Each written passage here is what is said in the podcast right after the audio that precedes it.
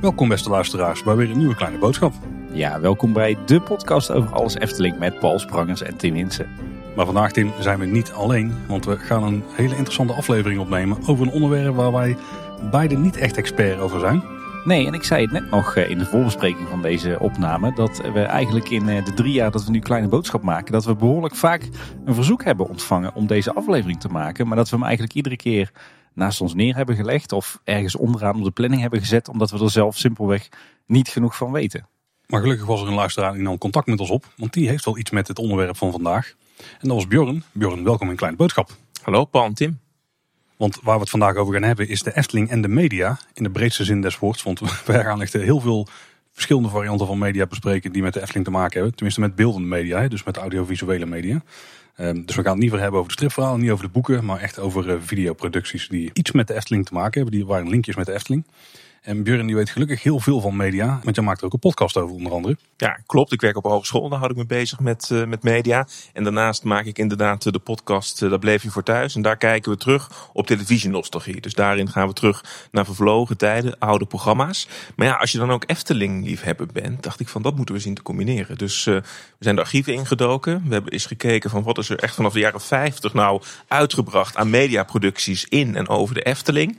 En dat werd een klein lijstje. Dat lijstje werd groter. En uh, we gaan niet uitputtend zijn, denk ik, uh, in, in deze aflevering. Maar we hebben toch wel een hele schat aan mediaproducties in en over de Efteling waar we op terug kunnen gaan uh, blikken. En wat volgens mij heel leuk is, is dat het over alles gaat. Hè? Want soms gaat het over de geschiedenis van de Efteling. Soms gaat het over ontwerpen. Soms gaat het over de omgeving van de Efteling. Dus het is een heel rijk palet om eens op terug te kijken vandaag. Kijk, zo te horen hebben we de juiste persoon aan tafel. Daar houden we altijd van. Als we iemand aan tafel weet te, krijgen die, uh, die echt alles van het onderwerp uh, afweet. Dan hoeven we het niet helemaal zelf uh, uit te pluizen. Bjorn, jij zei net, je, je doet wat aan de hogeschool met media. Ik ben wel even benieuwd, wat, wat doe je dan precies? Ja, ik ben manager onderwijs en onderzoek bij een domein wat zich bezighoudt over de creatieve industrie. En dat houdt in dat ik me bezighoud met de ontwikkeling van onderwijsprogramma's voor mediaopleidingen onder andere. Zo, cool. Hey, en ik heb jouw podcast ook een paar keer geluisterd. Heel veel jeugdnostalgie uh, voor mij, heel veel jeugdherinneringen. Uh, kan je zo eens wat programma's uh, roepen die, die jullie al behandeld hebben in jullie podcast? Ja, we doen vooral programma's uit de jaren 80 en 90. Dus we kijken terug op Telekids en Pittige Tijden. We kijken terug op het hele oeuvre van Rolf Wouters, zou je oh, kunnen zeggen. Wouters. Maar ook dramaseries van, van toen, communiceren als Vrienden voor het Leven, zijn langsgekomen. Dus inderdaad voor dertigers. Dat is wel waar veel belletjes gaan rinkelen op programma's. Het uh, klinkt inderdaad als mijn kinderjaren, ja, voor de beeldbuis. Dit zijn mijn zaterdagavond die langskomen gewoon hier. Ja, hey, maar laten we dan eens het onderwerp uh, induiken, Bjorn. Uh, Efteling en media. Ja, ik uh, heb geprobeerd om daar een soort ordeningen aan uh, te brengen. En ik dacht van laten we in een aantal categorieën eens gaan kijken hoe nou die relatie ook tussen Efteling en media zit. Laten we zo meteen eens beginnen met waar Efteling het decor in is. Hè? Dus, dus waar we vooral ook uh, fictieproducties zien waarin de Efteling een uh, rol speelt. Daarna maken we een overstap naar meer de nieuwsuitzendingen. Dus wanneer de Efteling echt als product of als merk in het nieuws is. Daarna zoomen we in. Ja, daar heb ik echt wel heel veel zin in. Dat, dat is smullen. Dat zijn de making-ofs en de documentaires. Die echt, ja, dat is voor de liefhebbers ideaal. Het zijn vaak de blikken achter de schermen die, die je zo graag uh, wilt zien. Um, en dan gaan we langzaam maar zeker volgens mij naar deze tijd naar uh, Efteling Media. En ook alles wat er in de Efteling YouTube, uh, op het YouTube kanaal wat zich daar afspeelt. Maar eerst inderdaad maar eens kijken naar de Efteling als decor. Ja, en voordat we dat gaan doen is misschien goed om te, te melden dat we, uh, we hebben natuurlijk onze show notes, hè, de linkjes bij de aflevering, die plaatsen op kleineboodschap.com bij de aflevering. En dat gaat deze aflevering zeker de moeite waard zijn, want we gaan er heel veel linkjes in gooien naar YouTube waar je denk ik heel veel van deze mediaproducties die we gaan bespreken nog uh, kunt kijken. Ja, dat is wel het mooie. Veel van het materiaal wat we bespreken is daadwerkelijk terug te kijken. In die zin is het mooi dat al die digitalisering heeft opgeleverd dat uit veel archieven is er veel materiaal opgedoken. Dus je kunnen veel ook uh, in de show notes laten zien zodat mensen dat ook terug kunnen kijken. Daar ook zelf weer een beeld bij kunnen vormen. Zodat niet iedereen afhankelijk is wat ik daar nog uh, over te melden heb. Um, en dat is voor mij heel, heel mooi. Dat wordt volgens mij een hele rijke lijst. En ik heb wel voorafgaand aan deze uitzending dus heel veel teruggekeken gekeken. Dus ik heb ook vierkante ogen. En ik heb heel veel Efteling gezien de laatste tijd. Dus er zaten hoogtepunten bij. En ook wat dieptepunten hier en daar. Kijk, ja, en, wat mij ook opviel, maar daar komen we straks wel, wel achter, is dat de Efteling ook best wel scheutig is met het op YouTube zetten van eigen mediaproducties. Dat, dat viel me heel erg mee. Hey, nog één laatste vraag, prangende vraag. want we hebben het al gehad over jouw link met media. Maar wat is eigenlijk jouw link met de Efteling, Bjorn? ja, vanaf kind af aan. Ik ben opgegroeid in, opgegroeid in Brabant. En uh, als jong kind al abonnement met ouders uh, mee. En, en nou ja, hè, toen is die liefde zo uh, ontstaan. Die liefde was ook al een tijdje minder, moet ik zeggen. Maar toen in 2015 Baron 1898 werd gebouwd, dacht ik, oh wacht. Nu gaat daar weer eens wat gebeuren. Dus toen werd het weer uh, getriggerd. En uh, nou ja, dan komt er een podcast uh, bij over zo'n onderwerp. En wat ook wel helpt, en dat herkennen jullie misschien ook wel, want ik ben nu zelf ook vader. En ik heb een dochtertje van, van twee. En dan gaan we ook met het gezin regelmatig naar de Efteling toe. En dan is het het beleven van dat park ook weer door de ogen van je eigen kleine. Dat maakt het ook wel weer bijzonder. Dus het zit eigenlijk in alle fases wel van het, van het leven. Dus in die zin komt die, die passie voor media en die passie voor de Efteling wel mooi samen, denk ik vandaag. Kijk, ik hoor wederom heel veel herkenbare zaken. Ja, absoluut. Ja. Ja, zoals je wel hoort, er is heel veel wat we kunnen bespreken over de Efteling en de media. Uh, dat gaan we nu niet allemaal doen, dat redden we gewoon niet. Dit wordt een uh, serie van twee afleveringen. Dit is dus deel 1 en deel 2 komt binnenkort uit. Maar daar uh, geef je iets meer informatie over aan het eind van de aflevering. Hey Bjorn, take it away zou ik zeggen. Zullen we eens beginnen met de Efteling als decor. En het gaat over vooral films en, en series die zijn gemaakt in de Efteling, waarbij de Efteling soms impliciet wordt genoemd, dus niet direct herkenbaar is en waarin vooral dus verhalen zich afspelen. Ben in de archieven teruggegaan en de eerste productie die we daarin eh, in, in tegenkwamen is Peter en de Vliegende Autobus. Hebben jullie daar herinneringen aan? Ik kan me niet heel bewust herinneren dat ik deze vroeger heb gezien. En ik kan me trouwens ook niet heel erg goed herinneren dat ik hem recent heb gezien. Maar volgens mij, ik heb er wel stukjes van terug te kijken, ook de trailer. En ik ben vrij zeker ervan dat ik hem dus wel in mijn kinderjaren een keer ja, heb langs zien komen, want ik herken er wel iets van. Maar ik heb er weinig uh, blijvende herinnering aan. Ik moet zeggen, ik heb, eh, ik heb de titel uh, heel vaak voorbij horen komen in de liefhebberswereld. Ook heel veel natuurlijk op Eftepedia en op Eftelist en in dat soort clubs. ik heb er wel stukjes van gezien, fragmenten en screenshots van de, ja, zeg maar de, de inter interessantste beelden uit de Efteling in de jaren 70. Maar ik moet eerlijk bekennen dat ik de, de film nooit zelf volledig heb gekeken. Dus ik heb het onlangs weer gedaan. Kijk, dat was best een zit, zeg ik er eerlijk bij. um, hij komt uit 1976, dus laten we dat nou ook erbij zeggen. Het is een vrij klassieke film. Het draait om Peter, dat is een jongen, dat is een beetje een zielig jongetje in die klas. Die zit in een rolstoel, mist daardoor een beetje de aansluiting bij zijn vriendjes. Maar uiteindelijk is er een schoolmusical. Daar moeten elfjes moeten daarin gaan dansen. En Peter denkt van ja, hoe kan ik dat nou hè, voor, voor elkaar krijgen? Kan ik daar iets in betekenen? En er is een gekke oom in, in een dorp en die kan dingen laten vliegen. En dan volstrekt zich een gekke wending in die film. Daardoor gaan er allerlei voorwerpen zweven. Uiteindelijk ook een autobus, vandaar ook de titel. En nou, die autobus die vliegt door heel Nederland. Maar uiteindelijk ja, landt die op een Sint-Nicolaasplaats in 1976. En um, daar is waar de Efteling om de hoek komt kijken in die film. Dan moet je dus een uur voor uh, blijven zitten. Dat is ook wel de tip. Als je die film terug gaat kijken het eerste uur kun je skippen. Pas uh, daarna wordt het denk ik voor uh, de liefhebbers echt uh, interessant. En ja, dan is het meteen ook wel heel grappig hoor. Dus we landen op die Sint-Nicolaas plaats. En dat is gewoon een groene oase. Dus wat we nog steeds herkennen, net zoals nu, is het station van de stoomtrein is daar al. Maar verder is dat gewoon één groot gasveld. We zien ook mensen daar picknicken als die bus daar neerdaalt. En dat is op zich al een grappig beeld.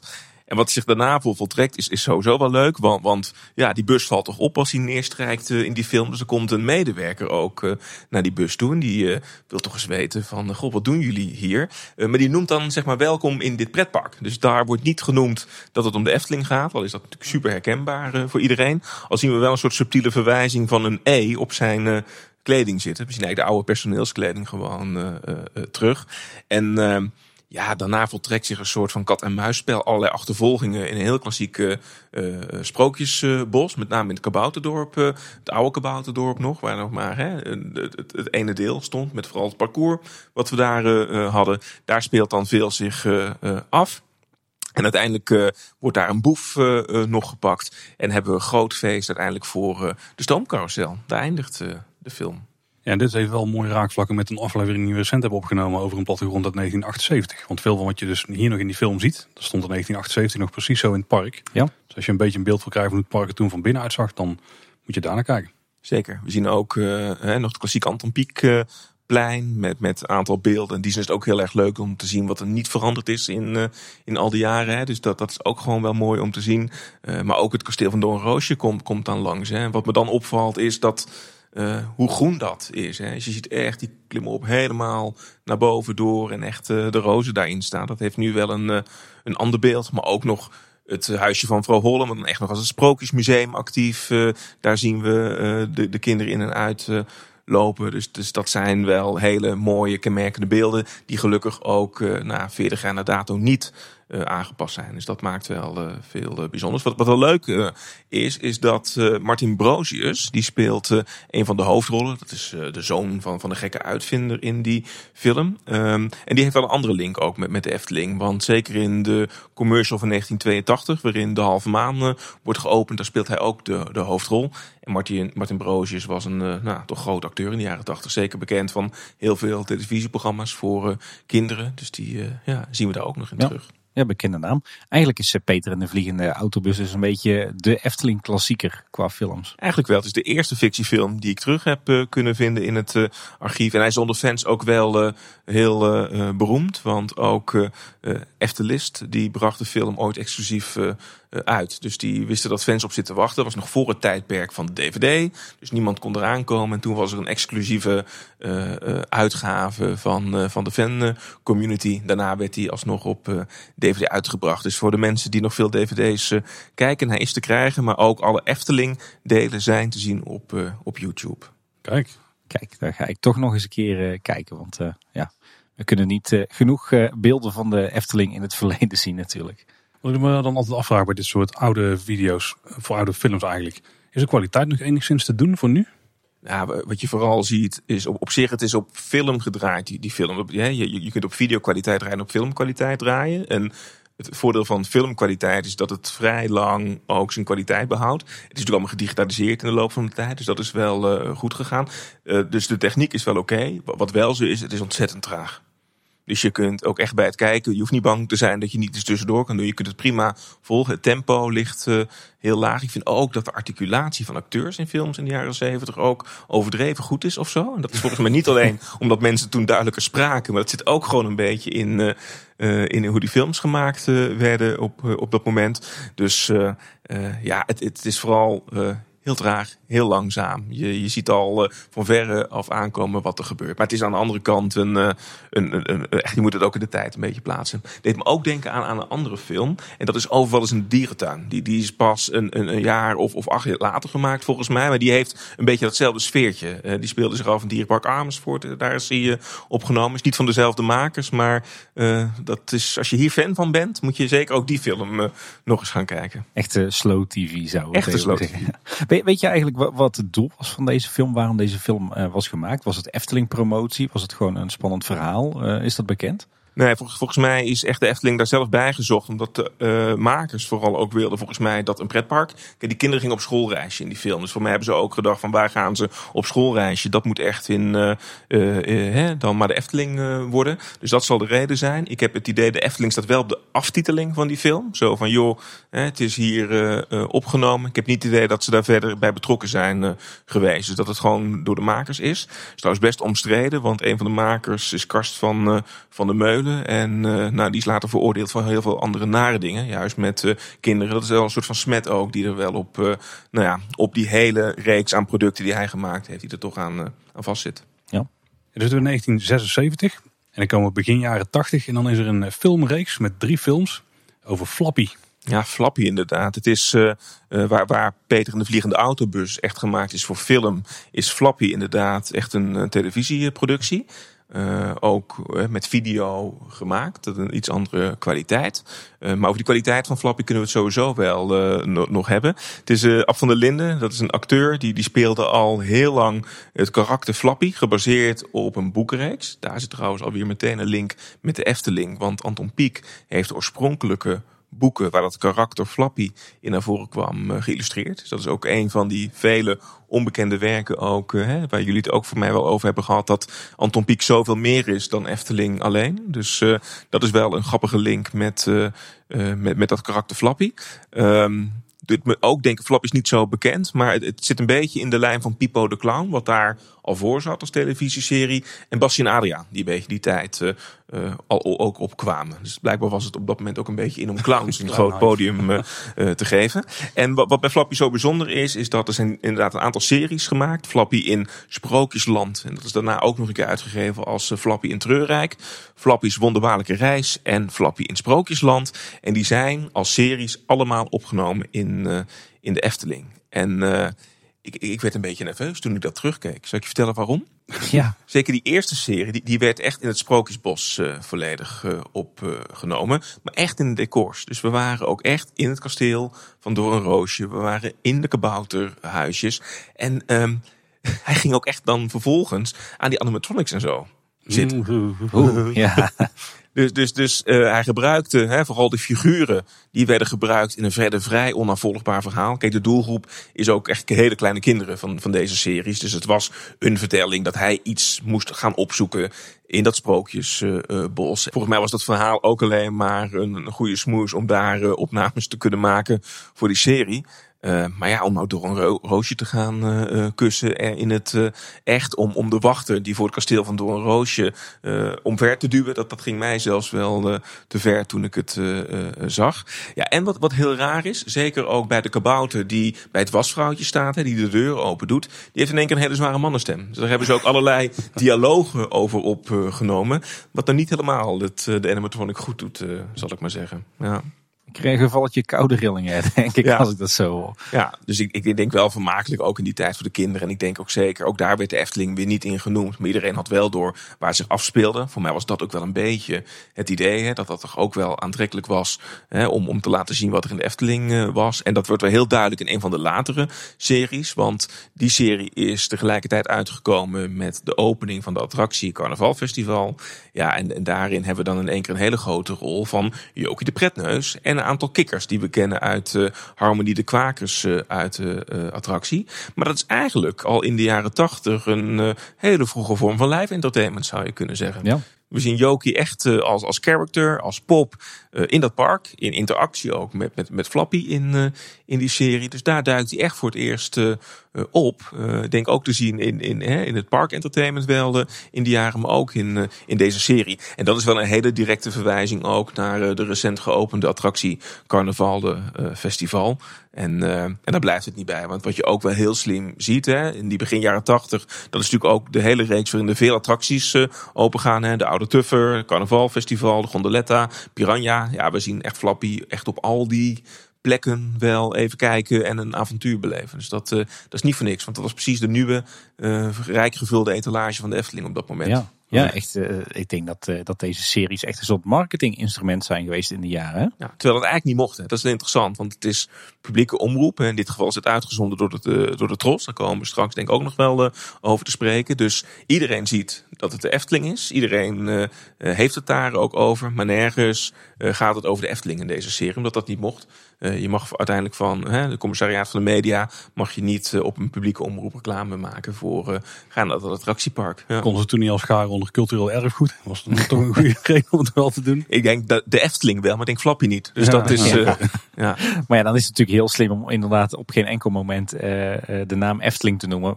Verder snapt iedereen natuurlijk bij het zien van die beelden dat het in de Efteling is. En is het zelfs eigenlijk een fantastische reclame stunt voor al die nieuwe attracties in de begin jaren 80. Absoluut. Ik zit te denken, wij hebben natuurlijk laatst met Kees Kikstra uh, gesproken. Uh, die kwam volgens mij uh, 1984, 1985 in dienst bij de Efteling als hoofd PR. dan is het denk ik van net voor zijn tijd, hè? Ja, die afspraken zijn dan wel daarvoor al ja. gemaakt. Ja. ja. Wat je wel ziet zo in de jaren tachtig is dat gewoon alle vernieuwende ideeën over, over marketing, dat eigenlijk dat die wel toegepast wordt. Dus, dus, dus je zou ook nu product placement bijna noemen hè, in series. Ja. Uh, uh, maar god, dat is eigenlijk uh, het aanvallende letteren zou je kunnen zeggen. Dan komen we in de jaren negentig en, en dan komt er een film, Tim, en ik moet eerlijk bekennen dat ik die nog nooit heb gezien. Nee, Paul, nep fan. Nee, heb ik, echt, nog- ik heb hem nog nooit gezien. dan hebben we het namelijk over Hugo, uitgekomen in 1996. En dat is wel een bijzondere film, eh, want die is niet geproduceerd door een professionele productiemaatschappij of de Efteling zelf. Nou, wat wel bijzonder is aan, aan Hugo is dat dat voor het eerst is dat echt een attractie ook een background story meekrijgt. En dat die background story ook echt verfilmd eh, is. En nou, niet door de minste, dat is gedaan door Dennis Bots en Jeroen Zwartjes. En eh, dat doet vast wel een belletje ook rinkelen bij veel eh, luisteraars. Maar Dennis Bots die studeerde hiermee af van die filmacademie. En die is daarna heel veel betrokken geweest bij andere Efteling projecten. Hij maakte onder andere ook Hij, deed de regie van de film die we nog steeds zien, De Spiegel, hè, van de boze stiefmoeder in het sprookje van Sneeuwwitje. Maar ook hè, de, de, de animatie van de waterprojectie in De Vliegende Hollander is iets wat van zijn eh, hand is. Parkvideo's eh, maakte die, maar ook, en dan ben je toch wel een beetje een held, eh, uiteindelijk ook de animatie die we zien bij het meisje van de zwavelstokjes. Dat is gewoon ook eh, werk van Dennis Bots. Dus, eh, maar dit was zijn eerste kennismaking met de Efteling, dus dat was wel bijzonder. Eh, en dat samen met Jeroen Zwartjes. En die eh, heeft ook uiteindelijk zijn weg heel lang binnen de Efteling afgelegd. En die was tot nou, enige tijd geleden nog manager van vooral de theater en de en de live entertainment afdeling. Dus dit was het startpunt van die twee mannen bij de Efteling. En eh, ja, wat wel bijzonder aan die film is, hè, want hij vertelt echt het verhaal wat we ook in de attractie horen. Dus tel voor show 1 en voor show 2 bij elkaar op. En dan heb je ook gelijk het plot van, eh, van Ja. de film ongeveer. Dus echt de reis van Hugo, hè, van Hugo de Bokkenrijder. En eh, ehm, nou ja, hoe hij een beetje op het slechte pad raakt. En, en hoe de vloek hè, zich van een meester maakt. Daar gaat ook die film eh, over. Maar het is wel een collectors item geworden. Want hij is, in, hij is wel een keer op televisie uitgezonden. maar hij is vooral daarna als videoband. Jawel, in het park heel lang eh, te koop eh, geweest. Maar niet op DVD verschenen. Hij is ook niet meer daarna op online gereleased. Dus liefhebbers die deze hebben, die hebben wel een collectors item in, in, in handen. Heb jij hem eigenlijk, Tim? Hij eh, ligt bij mij netjes op zolder in eh, een doos, ja. Was te verwachten. Was te verwachten. ja. Ik, ik meen mij wel nog te herinneren, want ik heb hem een paar keer gezien. ehm, dat hij best wel eh, eh, spannend was. Best wel donker ook. Ja, het is, kijk, het was ook een soort artistieke film. Hè? Want hij was door onafhankelijke makers gemaakt. En zij, hè, Jeroen en, en Dennis zijn met het idee naar de Efteling eh, gegaan. Die hebben gezegd van, mogen wij dit doen voor ons afstuderen? Ik denk dat de Efteling ook dacht van, nou ja, misschien hadden ze helemaal niet dat idee. Maar dat kwam zo langs.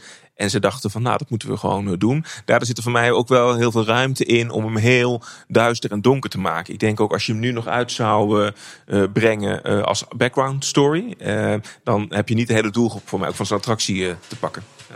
En volgens mij zit er ook, zitten er ook fragmenten van deze film in de, de film die minder valide te zien krijgen in de speciale filmruimte. Daar zit hij inderdaad nog in. En hij is ook gewoon gebruikt vervolgens voor, eh, ehm, voor de commercial in dat jaar. Dus je ziet ook gewoon heel veel beelden van Hugo in de commercial. Wat wel verwarrend is, hè, want de acteur die uiteindelijk Hugo van, Hugo van de Loonse Duinen speelt in die film wijkt echt wel degelijk eh, af van het beeld eh, dat we uiteindelijk in de animatronic in de tweede voorshow eh, zien. Dus daar wijkt het dan wel af. Maar inderdaad, het beeldmateriaal is wel voor meerdere doeleinden uiteindelijk wel nog gebruikt. Ik had wel het idee dat dit verhaal ook wat meer schatplichtig was aan misschien een belangrijke inspiratiebron voor het verhaal van Villa Volta. Het, verhaal van de bende van de Witte Veer. Of nou ja, het verhaal. Eigenlijk is dat gewoon een stukje waar gebeurde geschiedenis. Precies, dus in die zin duikt ook die film wat meer in de echte historie nog een keer in dat verhaal eh, in. Klopt helemaal. Ja. ja, wat mij betreft echt een, eh, een eh, pareltje in eh, de Efteling geschiedenis deze film. Je had net al over dat er dan een acteur is die niet helemaal lijkt op de, de counterpart in de attractie zelf. Daar hebben we nog zo'n situatie van. Dat is ook de volgende film die we gaan bespreken. Ja, we maken wel een tijdsprong, Paul. Want, want we gaan in één keer twintig jaar in de tijd. Daartussendoor is er minder fictie gemaakt in de Efteling. Ja. En 2015 komt de background story van Baron 1898 inderdaad als, eh, als film uit. En dan heb je inderdaad gelijk. Want dan hoop je dat je daar toch een soort van hè, eh, lookalike krijgt van eh Baron Gustav Hoogmoed uit de attractie. Ja, en die hebben we in real life ook eentje. Want dat is natuurlijk Paul van Gorkum. Ik wou zeggen, dat is de echte Baron, toch? Ja. Dat is de baron. Maar dat is ook in de attractie. Ik vind die animatronic, die, die vind ik ook wel echt lijken op eh, Paul van Gorkum. Alsof het hem echt is. Hè? En die kennen we dan weer als de bron uit de Bassin Adriaan serie van daarvoor. Die zijn stem inderdaad leent in de eerste voorshow. En die ook prachtig, hè? die die animatronic in de tweede voorshow heeft ingesproken. Maar Paul van Gorkum was uiteindelijk niet bereid om, of ze hebben hem die gevraagd om in die, die hij is ook best op leeftijd hoor. Dus ik kan me ook voorstellen dat er wel mee te maken heeft. Maar inderdaad, in de verfilming van de, de background story of Baron 1898 zien we inderdaad Hein van der Heijden als, als de baron. Die, uh, die dat heel goed doet trouwens. Die op een mooie manier ook samen met, met Abby Hoes in, in de hoofdrol prachtig dat verhaal in beeld brengt. is heel kort hè. Ik bedoel uiteindelijk is die, die film 13 minuten lang. Dus dat is ook de productie waar het om gaat. Wel gefilmd door Tim Oliehoek. Een, echt een, een hele goede Nederlandse regisseur. Voor die korte film om Baron 1898 toch te laten zien. Het is trouwens wel slim hè, dat, dat ze dat doen. Want wat je ook ziet is dat in de afgelopen vijf jaar ook zo'n korte film meer dan 2 miljoen keer bekeken wordt over uh, ja, zo'n nieuwe attractie. Je zet het online, kost natuurlijk echt wel wat om goed drama te maken. Het is best duur om dat uh, te doen, maar dat levert zoveel views op, zoveel meerwaarde ook voor, uh, voor je product. Dat is gewoon wel mooi om, om te zien. Wat wel slim is gedaan bij deze productie, en dat zien we volgens mij ook bij een, een, andere productie, moeten we het zo nog maar eens over hebben, is dat ze heel veel beelden hebben geschoten bij de attractie nadat hij klaar was, of eigenlijk eh, bijna klaar. Waarbij ze dan de omgeving wel hebben ingericht alsof het speelt eh, in het verleden. Eh, maar daarbij maken ze natuurlijk heel slim gebruik van alles wat er dan al staat. Klopt, dus het decor is inderdaad een stuk goedkoper. Dat je inderdaad gewoon op locatie in de Efteling kunt, kunt draaien. En ja, verder zitten daar dan ook wel grappige keuzes in. Dus wat je bijvoorbeeld wel ziet, is dat het loonlokaal in die film echt gebruikt wordt. Maar zodra de deuren open gaan, waarin normaal gesproken dan uh, dat werkend station terechtkomt, daar zit je dan in een fictieve wereld in de film. Dus daar stap je uh, echt een mijn in en, en zit er met special effects het, effect in dat ze daar neerdalen meteen. Dus het is een slim gebruik maken van de locatie die je hebt, waarbij het ook heel herkenbaar is dat het in die Efteling is en dat het om die attractie uh, gaat. En tegelijkertijd wat slim afwisselen met wat filmtrucjes. dat hebben ze hier op een hele goede manier inderdaad gedaan. Ja, volgens mij zien we dat ook terug eerder um, bij Ravelijn. Maar ook bij de making of van Vliegende Hollander, daar hebben ze dat trucje al eerder toegepast. Hè? Hebben ze toegepast, daar hebben ze het echt vermengd ook in de making of. Dus die zullen we ook uh, straks nog zien uh, passeren. Dan zie je inderdaad ook dat het op het plein van de net, uh, de, de, de, de, Vliegende Hollander die net af is, dat daar gefilmd is. dat dat klopt. Volgens mij komt hier ook het heksenpad in terug. Dat is uiteindelijk de, de boom als uiteindelijk onder uitklimmen een beetje, zeg maar, als ze uit de mijn komen, die is volgens mij daar. Dat klopt. Dus ook de rest van Efteling wordt hier betrokken bij de productie. Ik wil zeggen, je ziet veel uh, plekken die dan in één keer een ander doel uh, dienen dan dat ze normaal uh, hebben. En dan komen we eigenlijk bij een heel recent project. En dat is een project wat Tim en ik nog niet hebben kunnen bekijken. Dat is namelijk de expeditie van de familie Vos uit 2020. Tenminste, niet helemaal waar op dit moment nog meer, denk ik. Maar ja, je, je zou hem gezien kunnen hebben. Ik, ik had de, de, de, eer om al eh, te kunnen kijken. Hij is een paar weken inderdaad in een soort voorpremière te zien geweest in bioscopen. En een aantal prijswinnaars hebben hem eh, kunnen zien in de Fabula-zaal uh, in de Efteling. Maar op de dag dat hij in première zou gaan, toen ja, zaten we net weer in een lockdown. Dus dat weten we ook nog niet precies. Hè, wanneer deze, deze aflevering uitkomt, dan is het maar de vraag of de expeditie van familie Vos al te bemachtigen is en te bekijken is, of nog niet. Maar jij hebt hem gezien. Dat is voor nu even het belangrijkste. Ik heb hem gezien, ja. Nou, dat, mm. ja, je hoort me al een beetje stotteren, hè? Oh. wat, wat, wil je ons vertellen, Bjorn? Laat ik het zo zeggen dat, dat als wij nou geen Efteling-liefhebbers zouden zijn, zou ik de film niet, uh, niet aanraden. Uh, om, omdat het zeg maar voor het verhaal, uh, nou ja, dat, dat is gewoon wel dun en zit best wel vol clichés. En, en, en, en nou ja, dat, dat is niet helemaal je van het. Maar de beelden in de Efteling, en wat ze daar geschoten hebben, van gemaakt hebben, dat is wel heel erg uh, leuk en goed om, uh, om te zien. Ja. Misschien is het goed om eerst even in te leiden wat het eigenlijk is, de expeditie van de familie Vos. Die film gaat over een jongetje en die gaat ieder jaar met zijn familie naar Efteling Bosrijk op, op vakantie. Alleen het jaar daarvoor is zijn opa overleden. Dus ze gaan weer opnieuw daar naartoe. Alleen een beetje in mineur, want het is allemaal anders dan, dan anders. Maar met één geluk. En het geluk is dat zijn opa wel een speurtocht heeft achtergelaten. Zodat hij alsnog op zoek kan naar aanwijzingen en een mooie schat die achtergelaten is, namelijk een sprookjesboek voor uh, de hele familie. En wat we in de film vooral volgen is uh, nou, die speurtocht en uh, kijken of je dat sprookjesboek kan bemachtigen. Ik zal het niet verklappen, maar denk dat jullie ook wel weten hoe dat, hoe dat af zou moeten lopen. En um, nou ja, daar zitten gewoon best veel clichés in. Wat ik heel goed vind, want deze film, dat, dat mensen hebben vaak het idee dat die film een productie echt van de Efteling is. Dat is niet zo. Het is vooral de Efteling als decor.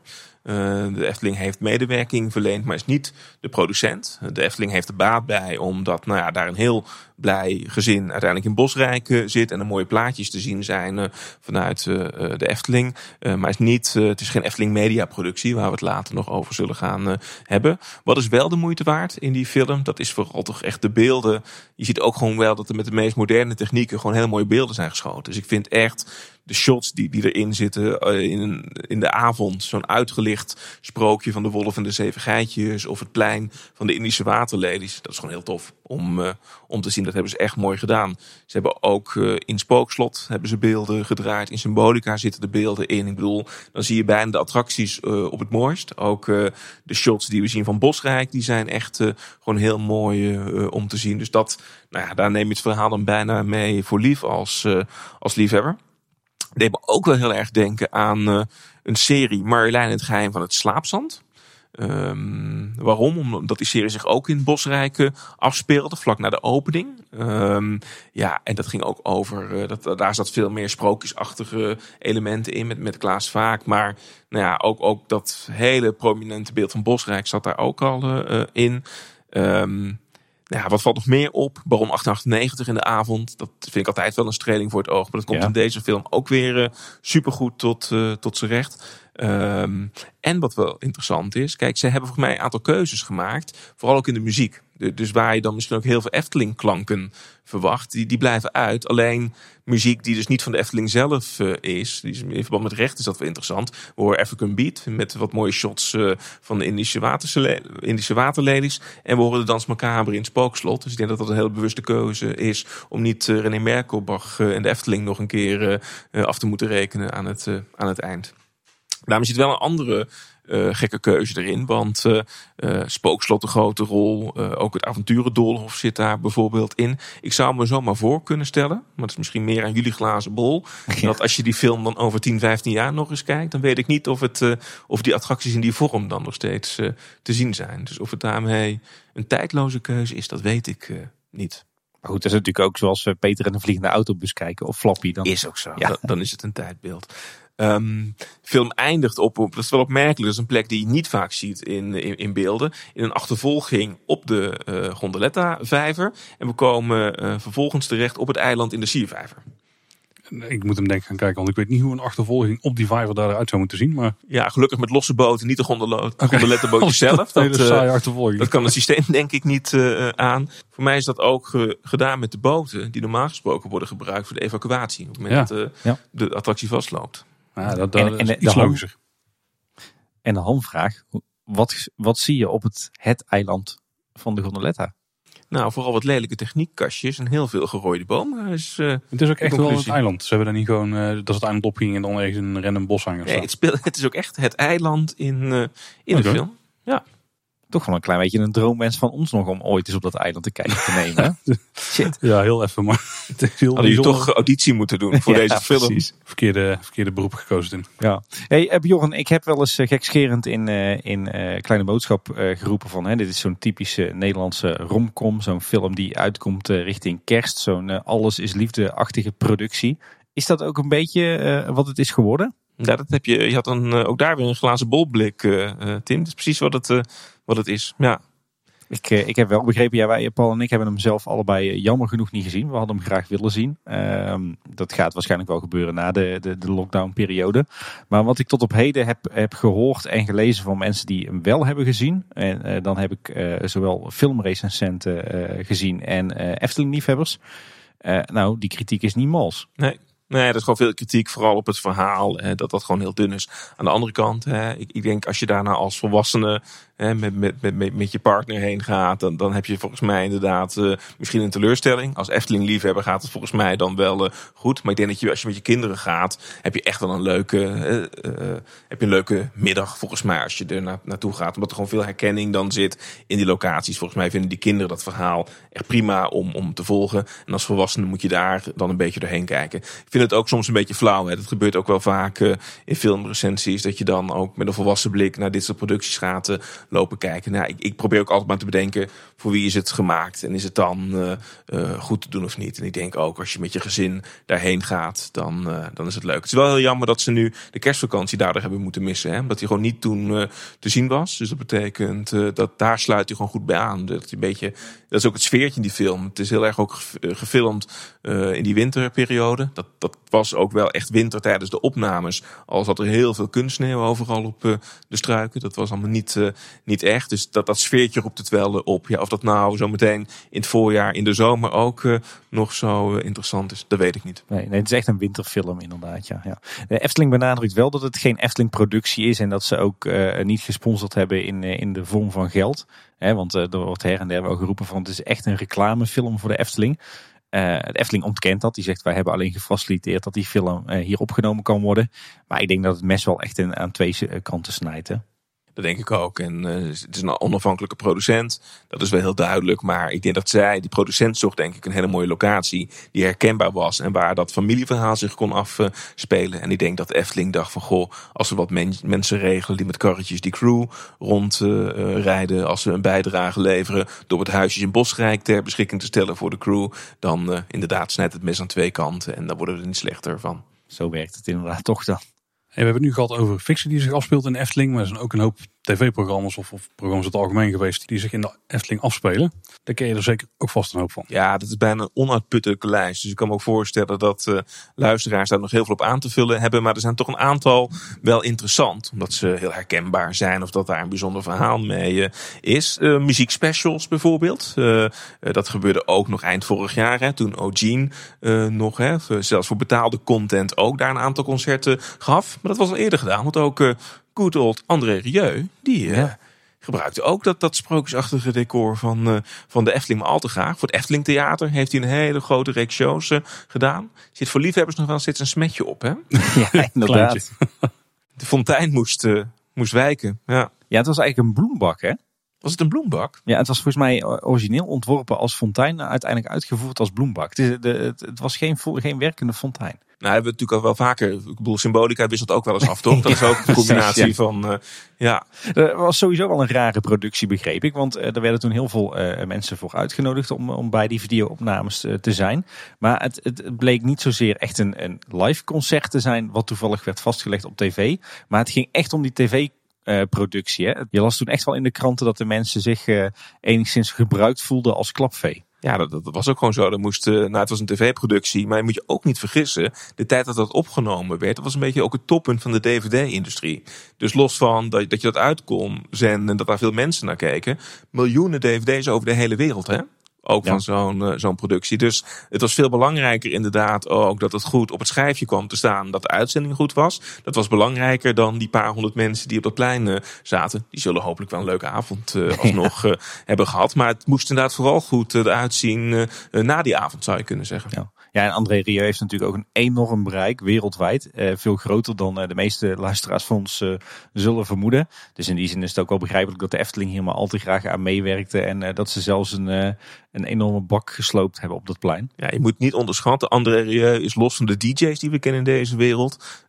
die groot zijn wereldwijd. Is André Rieu een ontzettend groot exportproduct voor de Nederlandse industrie. Dus dat moet je niet onderschatten. Nee, hij is trouwens laatst ook nog in de Efteling geweest. Hè? Toen heeft hij volgens mij het een en ander opgenomen op het, uh, het Harthofplein voor uh, Symbolica. Ja, was voor All You Need Is Love. Ook zo'n programma wat, wat in deze reeks uh, kwam. Zoek je hè, een soort romantisch plekje dan hè, om aanzoeken te doen. En je hebt Robert en Brink nodig of André Rieu die daar een liedje speelt. ja, ja hoor, ook daarvoor was André Rieu weer eens terug in de Efteling. Ja. ja. Geen bloembakken of fonteininkensneuveld in daar geval. dat keer niet, maar je moet alert blijven. Ja, precies. ook amusementsprogramma's. Je ziet al wel dat, dat ook die andere Reus specials uiteindelijk voor de Tros gemaakt. Uh, in de jaren tachtig was er ook een hele reeks aan, aan programma's uh, uh, van, van de Tros. misschien even beginnen bij Te Land, Zee en In de Lucht. uiteindelijk hebben daar 23 afleveringen zijn er uitgezonden vanuit de Efteling. Met name inderdaad vanaf de Vonderplas. Hè, nog voordat we daar een Aquanura hadden. Dus er moest even vooral de roeivijver wijken. Ja, dat was wel uh, uh, spectaculair. Dat waren onderdelen als uh, fietsen maar in, of, of, of val van de schans, of nou, de meest gekke capriolen. Maar mensen met zelf geknutselde karretjes die dan op grote hoogtes uiteindelijk het water in storten. Maar wel met het prachtige Fata Paleis op, op de achtergrond. Daar heb ik echt enorm veel van gezien vroeger. En trouwens, Bjorn, als je nu omhoog kijkt, en je zou x-ray ogen hebben en je kijkt door de plafondplaten heen, dan zie je een stukje de luchthistorie liggen uit de Efteling. Want die platen waar die schans mee bekleed was, die liggen hier op de bovenverdieping als vloer. Echt waar? Echt waar, ja. Die waren over hier? Of? Nou ja, mijn pa die heeft die gewoon ergens vandaan geschacht, uh, denk ik. Of zo. heeft toen neergelegd. Zo ging dat in de cats. Wat bij de land in ieder geval bijzonder was, is, want het was natuurlijk ook daar weer overduidelijk dat de Efteling een decor uh, uh, was. Ehm, maar je zag vooral shots hè, van, van het Fata Paleis. Maar ze dachten ah, bij de Efteling, kijk, we kunnen niet echt reclame maken. Maar we willen wel graag meer van het park laten zien. Dus dat was de oplossing. In iedere uitzending kwam er dan een artiest ook een muzikaal optreden verzorgen. En die lieten ze dan dat in een attractie doen. Dus als je dan een hele serie had van, van weer zes, zeven afleveringen. Dan hadden die artiesten weer opgetreden op allerlei plekken in het, uh, in het park. Ja, je moet er een beetje creatief mee, uh, mee omgaan. Ja. Heel slim. Ja, dit is wel leuk. Ik heb uh, in de tijd dat ik bij de Efteling werkte, uh, bij ontwerp en ontwikkeling, toen zat ik op kantoor bij degene die uh, destijds in de jaren tachtig verantwoordelijk was voor het, het opbouwen van al die stellages en die decors voor Talent Zee in de Lucht, maar ook voor Sterrenslag en The Way of Life Show. daar, daar moet misschien daar nog even over hebben. Maar die zei toen ook van, dat waren echt memorabele zomers. Dat was een enorme logistieke operatie daarbij. Ja, dat was echt gigantisch. Maar het leverde ook wel enorm veel aandacht natuurlijk op voor de Efteling. Ja, kan ik me heel goed voorstellen. En uh, recent trouwens, ook afgelopen jaar, uh, zijn er uh, redelijk vaak uh, beelden van uh, Talentenzee in de lucht ook online gezet. Hè, op YouTube, op social media. We hebben het ook een paar keer in onze nieuwsafleveringen geroepen. Heel tof om die beelden te zien. Ja, en dan moet je het een beetje hebben inderdaad van mensen die oude videobanden nog eens oprakelen en gaan digitaliseren. Dat, dat levert vaak dat mooie beelden op. Misschien kunnen we ook een aantal van die leuke beelden uit de Talentenzee in de lucht en de Efteling in de show notes delen. Ja, zeker. Ja uren kijkplezier in de show notes dadelijk. Ik, ik weet zeker. ja, inderdaad. Ik denk als je daaraan begint, dan verlies je jezelf er uh, enorm in. In dezelfde reeks, ook in de jaren tachtig, kennen we het programma Superfan. Hebben we daar ook nog uh, in. een programma met Robert en Brink. Eh, voor de VARA toen nog, waarin eh, mensen een quiz moesten spelen over een favoriete artiest. Dat speelde zich af eh, in een soort studioomgeving, maar dan in de Efteling. Voor mij was dat het uh, Fata Morgana evenementencomplex, waar dat zich afspeelde. maar ze probeerden ook daar iedere keer weer een link te leggen naar naar het park. Dus wat, wat kreeg je dan? Dat een grote fan van Rob de Nijs uiteindelijk op de, in de havenscène van Fata Morgana werd gezet. En dan naast de animatronics wat vragen moest beantwoorden. Soort uh, gekkigheid hadden we daar dan weer. Ja. daar voel ik dan een, een soort gemengde mix van enerzijds huiver en anderzijds jaloezie bij. Ja, ik weet ook niet wat ik daarvan uh, moet, moet, vinden. Het was gelukkig niet zo erg als Flappy, dus dat scheelt weer. Dat, ze bleven er wel van af. Dat, uh, dat scheelt dan weer. Ja. Um, ook Bananensplit, uh, ook weer uh, Tros. Ook, ook vaak grappen met zowel gasten, maar ook bewakers in de Efteling. Er zitten wel twee hele grappige scènes ook in.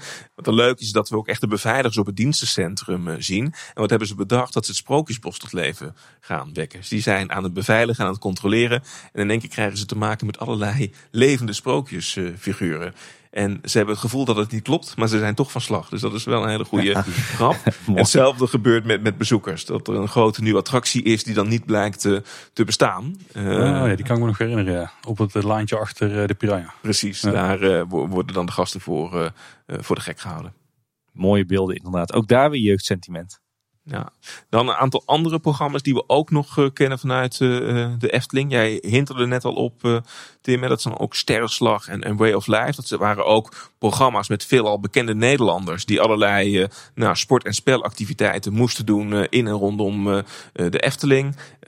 die, die spellen waren dan vaak ook gecentreerd trouwens op wat we later als de Brink zijn gaan kennen. Waar nu Symbolica is. Hè. Dat was ook het, nou, het terrein waar ook in de zomer veel van de shows werden gegeven. Samson en Gert hebben daar volgens mij jaren in jaar uit gestaan. Dat werd ook vooral gebruikt om daar sterrenslag op te nemen en, en Way of Life. Ja, ja dat was het wat we destijds in ieder geval begin jaren negentig kenden als het circusveld. Een groot ovaal grasveld. omzoomd met enorm veel bos. waar volgens mij ook een aantal van die spellen zich afspeelden. een klein deel van dat bos kennen we nu nog als, als het heksenpad achter het spookslot. Maar goed, dat bos was vele malen groter. Dat strekte zich echt uit vanaf het spookslot tot aan het, het diorama. En dat is wel grappig, want daar werd de sport en spel uh, bedreven in uh, die programma's. Maar de oorsprong van dat veld, weten we inmiddels, is een wielerbaan uit de jaren 30 van de vorige eeuw. Vandaar ook die vorm. Toch mooi dat het dat gebruik dan toch op een manier gereïncarneerd is later. Ik wil zeggen, dat komt toch goed van pas om alle bekende Nederlanders daar een beetje te laten zweten. Ja. Um, het is opmerkelijk, hè? want ook als je al die programma's nu langs gaat, die, die daar vooral hè, ook in de jaren tachtig zich afspeelden, heel veel tros. Dat, dat zul je ook straks nog wel een aantal keer terugzien komen, is niet voor niks. Wat, wat wel bijzonder is aan de tros hè, als publieke omroep in, in het Nederlandse bestel, is dat, kijk, die zijn in de jaren tachtig ook pas groot geworden. Die zijn pas opgekomen omdat al die andere omroepen die er waren, de KRO, de NCV, de EO, die hadden allemaal uiteindelijk vanuit de verzuiling een soort van achterban in, hè, vanuit de geloofsovertuiging, hè, of vanuit een bepaalde ideologie. Maar de Tros had dat niet. De Tros had vooral ook als doel van wij willen amusement bieden in dat hele publieke bestel. En je moet je ook voorstellen, we praten over een tijd dat er nog geen uh, internet is, maar ook gewoon geen commerciële televisie. Dus je hebt gewoon Nederland 1, 2, misschien 3 in dit geval. Dus dat, dat betekent dat daar echt een alternatief moest zijn voor de gewone man-vrouw, zeg ik maar. En dat, vooral amusementsprogramma's. En ik denk dat het ook niet voor niets is dat daarom de Tros ook vaak de Efteling heeft opgezocht, of andersom. Omdat ze volgens mij ook voor iedereen wilde zijn. En ook gewoon wat verstrooiing uh, wilde brengen. Dus ik denk dat dat ook wel de link is tussen de Tros en de Efteling die je veel, uh, veel terugziet. Ja, ik denk dat er ook hele warme banden hebben gezeten tussen de Efteling en de Tros jarenlang. Want uh, er hoefde maar iets op tv te komen en het was weer bij de Tros. Dus ik, ik, denk dat die elkaar heel makkelijk wisten te vinden in de jaren 80 en 90. Wat je wel ziet in de jaren 90 is dat dan, dan is RTL in één keer in Nederland een speler geworden. En uh, doen veel aan gesponsorde programma's, ook met de staatsloterij. Die weten dan ook wel een weg uh, te vinden als commerciële partij. Dus we zien onder andere het staatslot op locatie, de staatsloterijshow. Die vooral in de zomer ook in de Efteling werden opgenomen. En vooral veel spellen spelen met bezoekers die dan geld konden verdienen. Dat werd heel veel gedaan. Levert wel leuke beelden ook op. Kunnen we een linkje naar maken. Maar dat is ook Montje Cannibaal. Net na de opening nog zonder de kannibaal. Dat zit ook in de leader oh. van het staatslot uh, op locatie. Dus we kennen natuurlijk zonder overkapping is uh, iets wat we natuurlijk wel langer gewend zijn geweest. Maar ook zonder die kannibalen zijn niet heel veel beelden van. Dus nou ja, dat is dan wel leuk om daarin uh, in terug te kijken. Cool. Een kleine blik in de toekomst. ja. Het zou kunnen, misschien komt dat ook gewoon weer terug. Ja, ja en ik, ik, kan me dit nog goed herinneren, want het staatslocatie uit begin jaren negentig. Want uh, volgens mij reden die rond met zo'n enorme truck. Met daarin, uh, daarin een uh, enorm bad van gouden ducaten of van geld. En eh, ik weet nog dat die truck een tijdje op het dwarrelplein heeft gestaan. Dus nou, dat moet dan in ieder geval 1996 zijn geweest. Ik kan me nog herinneren dat hij inderdaad op het plein eh, bij Carnaval Festival in Monsieur Cannibal heeft gestaan. Maar hij heeft ook bij de Oude Tufferbaan en de Halve Maan gestaan. Dus volgens mij eh, ging die truck met, met geld zo'n beetje het hele park door. Of was er ieder jaar een andere locatie. Maar uh, ik kan me nog aardig wat, uh, wat opnames van de staatsloterij herinneren in het park. Ja. klopt. Voor mij was het ook echt een zomervulletje. Dat betekent dat het echt vijf dagen in de week te zien was. Kort, een half uurtje. Dus uh, veel afleveringen zijn er volgens mij opgenomen in de Efteling. De afgelopen kerstperiode was er nog een programma wat zich afspeelde in de Efteling. Al weten we nog niet precies in welke hoedanigheid, want een klein blikje achter de schermen. We nemen dit op op het moment dat dit voor het eerst wordt uitgezonden. Dus we hebben het allemaal nog niet gezien, alleen maar een trailertje van tevoren. Maar dat is Merry Little Christmas op RTL 4 volgens mij. En wat daar heel bijzonder aan is, is dat Sander de Bruin eh, in de jury zit. En dat het wordt opgenomen in de Efteling, namelijk ook in het uh, Fata Morgana evenementencomplex. Volgens mij was het initieel het idee om het in het Efteling Hotel te doen. Maar vanwege allerlei oorzaken is dat uiteindelijk niet gebeurd. Dus dat is ook wel uh, ook nog steeds iets wat dus tegenwoordig gebeurt in de Efteling eigenlijk. Ja, kijk, we hebben nu een selectie gemaakt, uh, Paul. Maar je kunt echt dit lijstje aanvullen. Er zijn zoveel programma's van uh, landelijke omroepen die uiteindelijk dan uh, de Efteling nemen als fijne plek uh, om op te nemen. Inderdaad, nog steeds zo. Merry Little Christmas is eigenlijk het meest recente voorbeeld wat we daarin kennen. Maar wel tof dat, dat Sander de Bruin dan ook echt als Efteling gezicht daar medewerking aan verleent. Want in al die andere producties die we zien, dan is het helemaal niet zo gewoon dat we ook Efteling medewerkers hè, in, in, beeld zien. Maar dat is natuurlijk wel heel bijzonder dat ook hij daar echt naar de voorgrond treedt. Ja, ja, want dat is een programma waarin volgens mij acht koppeltjes uh, en, ja, zeg maar het mooiste kerstdorp moeten bouwen. Ja, dus eigenlijk een soort diorama in kerstsferen. En dan onder het, eh, het oog van uh, Sander. Ik zou er heel zenuwachtig van. ja. Nou, dat is ook niet mijn hobby. Dus misschien dat ik daar sowieso te zenuwachtig van uh, zou worden. Ik denk dat het wel heel leuk is dat ze, dat ze daar de Efteling voor als locatie hebben genomen. En inderdaad heel tof dat, dat Sander dan ook echt een inhoudelijke rol kan spelen. En dat hij echt kan shinen als uh, hoofd van ontwerpen. Ja, gebeurt sowieso wel, wel meer. Hè? Kijk, we zullen straks ook in making-offs nog gaan zien hoe steeds meer Efteling-gezichten een prominentere rol krijgen, ook in die mediaproducties. Uh, en Sander de Bruin is eigenlijk iemand die dat pas echt de afgelopen jaren doet. Hij heeft natuurlijk een lange historie al in de Efteling met veel producties. Maar zeker bijvoorbeeld bij de Zes Zwanen. Echt hè, zijn productie, maar ook bij Symbolica. Dat zijn de momenten waarop hij veel prominenter in, in beeld komt. En daar hebben we weinig problemen mee. Zegt dat wel inderdaad. Ja, we hadden het er net al over dat, uh, dat uh, de Efteling en de Tros een warme band uh, hebben. Maar als we het over warme banden hebben op mediavlak, dan denk ik dat we Omroep Brabant zeker niet onvermeld moeten laten. Nou, daar heb je gelijk in zometeen. zeker als het gaat om nieuws, moeten we daar nog bij stilstaan. Maar ook heel veel programma's die, die niet nieuwsgerelateerd zijn. Ja, maar al te graag zendt Omroep Brabant die uit. Bijvoorbeeld Er Was Eens. Of Op een Dag. Dat, dat waren programma's waarin Jelle Amersfoort, die we nog kennen ook van de zomeravonden, met Efteling bezoekers in gesprek ging. Een soort Hello Goodbye. Dat programma op Schiphol, waarin mensen vertrekken. Hij ging vooral op zoek naar de mensen die de Efteling bezoeken en de verhalen achter die bezoekers. Dus dat, uh, dat zijn programma's die ze me al te graag uh, uitzenden. Maar ook heel veel producties die in eerste instantie door, uh, door Efteling Media voor RTL zijn gemaakt, zijn uiteindelijk ook gewoon herhaald op Omroep Brabant. Maar ook bijvoorbeeld een serie als Sprookjes is ook uitgezonden op Omroep Brabant. Dus die band is gewoon super warm. Ja, wat we natuurlijk ook zien is dat de Efteling zelf natuurlijk ook heel veel produceert en maakt en te zien is in haar eigen commercials. Die we in uh, veel reclameblokken langs zien uh, komen. En dat doen ze al heel lang. Er zijn fans die hebben echt complete compilaties gemaakt op YouTube gezet met al die commercials uh, achter elkaar. En ja, het leuke is gewoon ook om te zien hoe bijvoorbeeld nu attracties daarin worden aangeprezen. Je ziet ook echt in de jaren tachtig dat men groot uitpakt met de opening van de halve maan. Dat je die echt moet zien. Commercials met een André van Duin in een Fata Morgana als nieuwe attractie die wordt aangeprezen door uh, hem. Ja, dat is echt superleuk om, om te zien. Um, wat je wel steeds meer ziet, is dat het vaak niet alleen meer gaat om de attracties. Dat is echt wel heel erg in de jaren 80, 90 het geval. Ze proberen nu veel meer het concept Efteling. Hè? Dus, dus de beleving en, en hoe de mensen het park beleven. Dat veel meer centraal te zetten in, uh, in de commercials. En uh, ja, hebben, jullie een favoriet? Een commercial zegt van ja, dat... dat, dat... Ik heb wel eentje die er voor mij bovenuit springt. Maar is, die is volgens mij nooit in Nederland op tv geweest. En dat is de commercial uit 2016, dus heel recent. Uh, ik, ik, ken hem al even YouTube, duurt ongeveer een minuut. En die is uh, met heel flitsende montage gemaakt, maar dan met hele sterke muziek eronder. En dan, ja, dat gaat ook niet echt over de attracties in het algemeen. Je ziet vooral details eigenlijk langskomen. Maar ik vind vooral de, uh, zeg maar de, de, de sfeer die bij mij oproept, daar krijg ik toch wel regelmatig kippenvel van. Die kijk ik stiekem denk ik een paar keer per jaar gewoon terug. Als, ik, als hij weer in mijn hoofd langskomt, dan check ik hem altijd even. Trouwens geen muziek van René Merkelbach, maar ook, ook heel goed. Ja. Ja, ik, ik vind dat een lastige vraag, want er zijn zo ongelooflijk veel reclames gemaakt voor de Efteling natuurlijk. Ik denk dat we, we al een aflevering van Kleine Boodschap over uh, reclames uh, kunnen maken. Nee, dat is misschien een goede voor de volgende keer, Bjorn, zit ik me nu te bedenken. Maar ja, nee, er zijn zoveel heerlijke reclames. Hè. Ik kan echt genieten van die reclames uit uh, de jaren tachtig. Want die heel, dat heerlijk foute liedje wat, wat daarin speelt. Die kun je trouwens ook nog in de eerste ruimte van het Efteling Museum terugzien. Dan draaien ze hem nog. Uh, ik ga het liedje trouwens niet zingen hoor. Uh, wat, wat, ik ook een hele, hele, hele, hele gave vind, is die van 1999. Uh, de Efteling was toen schatkamer van de sprookjes.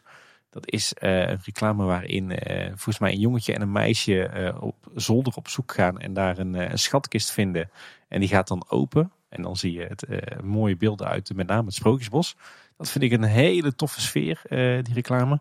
En wat ik ook wel echt de tranentrekker vind, is ze hebben een tijdje terug hebben ze zo'n uh, wintercommercial gemaakt. Uh, in de trant van, uh, van al die supermarkten die, die rond kerst van die tranentrekkers maken. Maar dat was volgens mij een, een meisje die haar eigen symbolica thuis nabouwde. Ja, die is goed. Ja. Zet je met natte ogen te kijken? Echt gewoon janken op de bank hoor. Ja, daar durf ik ruiterlijk toe te geven dat ik vond dat zo'n gouden reclame. gewoon die beelden, dat sfeertje, de hele boodschap, de muziek ja, echt uh, subliem gedaan. Ik heb wel een guilty pleasure trouwens, wat dat betreft hoor. Nou, kom op.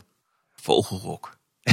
Dat is een computeranimatie, lekker jaren 90 fouten, waarin je dan zeg maar, hè, Vogelrok breekt uit het ei en landt, uh, hè, uh, ja, heerlijk. Oh ja, die, nou, wel met die, die, goede Ruud Bos tune eronder, dat, dat, dat maakt hem helemaal af. Ja, maar die is toch wel tof gemaakt hoor. Zeker als je dan in dat thuisbeeld ziet. Het is toch 25 jaar geleden dat die uit is gekomen ik vind hem daarvoor ook best wel goed eigenlijk. Ja, ja hij is met terugwerkende kracht een beetje kneuterig. Maar echt, ja, dat ook. Ja, en de muziek, dat maakt hem helemaal goed. Vogelrok, ja, heerlijk. Volgens mij de synthesizer versie, toch? Ja, in die zin zijn al die uh, remakes die nu gemaakt uh, worden hè, door uh, Twinklecourts. Hè, dat, voor mij is dat dit een beetje. Dus, Inderdaad, misschien ja. dat we hem kunnen vragen om deze commercial nog een keer opnieuw in die synthesizer te gooien. Dat zou wel ultiem zijn. Ik moet overigens zeggen dat ik zelf wel vooral groot fan ben van die reclames. Waarin we vooral gewoon heel veel mooie beelden zien van het park, uit het park. Dagbeelden, avondbeelden en gewoon een mooie soundtrack. Meer hoeft voor mij een perfecte Efteling reclame niet te zijn hoor. Wat is jouw favoriet Bjorn? Ja, ik vind, er, er is los van de, de foute vogelrok uh, animatie in, in de commercial heb ik, uh, en, en toen. Dat, dat is een, een commercial waarin ook niet specifiek één attractie centraal staat. Maar je ook inderdaad op verschillende momenten. Je kijkt vooral ook door bomen heen. Dus dat wat ik zo mooi aan vind. Je ziet in één keer de halve maan boven de top uitkomen. De, de pagode in één keer opstijgen. Dus je een soort van sneak peekjes door het hele park heen. Zonder alles in volle glorie in beeld te zetten. Maar een soort van doorkijkje naar dat mooie park. Dat, uh, die doet het ook wel goed. Kijk, check hem in de show. Nou, dat was de Efteling dan als decor. Er zijn natuurlijk nog veel meer producties geweest die we allemaal niet hebben meegenomen dit keer. Want het zijn er gewoon te veel. Anders dan duurt deze aflevering denk ik serieus 9 uur. Dus we hebben het nog beperkt proberen te houden. Maar de Efteling is natuurlijk ook veel in het nieuws hè. Ja, dat, dat heeft een soort van voor- en, en, en nadelen volgens mij voor de Efteling. Het lijkt er wel op dat uh, ook alles waar uh, de Efteling maar mee komt, dat wordt breed uh, uitgemeten. En dat is zowel in positieve zin als negatieve zin, kan je, kan je zeggen. Dus soms ook wel tragisch. Hè? Dus op het moment dat, dat de Efteling een nieuwe attractie aankondigt, dan hè, is het overal te zien. En, en ook op het moment dat Toverland een investering doet van miljoenen, dan hè, hoort er niemand over in de media. Dus aan de ene kant zegt het gewoon hoe sterk het merk Efteling is. maar er zit ook wel iets in dat hoge bomen daardoor ook wel veel, de, veel wind vangen. Dus het is Ja. prachtig om met iedere hè, nieuw sprookje of nieuwe attractie zo breed uitgemeten te worden en daar de headlines in de nieuwsuitzendingen in eh, te halen. Maar de keerzijde is er ook. Hè. Kijk, jullie eh, podcast bestaat natuurlijk bij de gratie vanwege het feit hè, dat er een bestemmingsplan eh, is. Wat al langer duurt volgens mij het hele procedure dan dat het bestemmingsplan plan er, er doorheen is. Maar ook iedere keer als daar weer een processtapje in zit, zie je ook gewoon dat er in het nieuws gewoon breed uitgemeten wordt. Hè, dat die bestemming, dat het bestemmingsplan er weer niet door is. En dat het allemaal heel slecht is. En dat het heel hè, erg misgaat ook met die buurtbewoners. Dus, dus ja, dat, dat, dat zijn de keerzijdes daarvan. van. dus het zijn een beetje de voor- en nadelen ook van eh, nou ja, eh, zo'n sterk merk zijn in, eh, in Nederland. Ja. Ja, en marktleider natuurlijk eh by far. Dat, dat zit er ook gewoon eh, in. En we hadden het net ook al in Omroep Brabant, hè, die ook programma's maakt met, met de Efteling als decor. Maar als er dan een zender is die echt iedere scheet van de Efteling breed uitmeet in het, dan is het natuurlijk Omroep Brabant. En kleine boodschap. En kleine boodschap uiteraard, maar het is jullie eh, legacy zou je eh, kunnen zeggen. En voor Omroep Brabant, ja, is ook sowieso wel grappig. Want wat je daar ook in, in ziet, is dat volgens mij ook heel veel wat loopings dan weer als nieuws brengt. Dat Omroep Brabant dat oppikt. En dat er dan altijd wel weer een battle ontstaat, omdat Omroep Brabant daar weer wat foutjes in heeft eh, zitten. Dus, Ja. dus dat is altijd wel grappig, ja.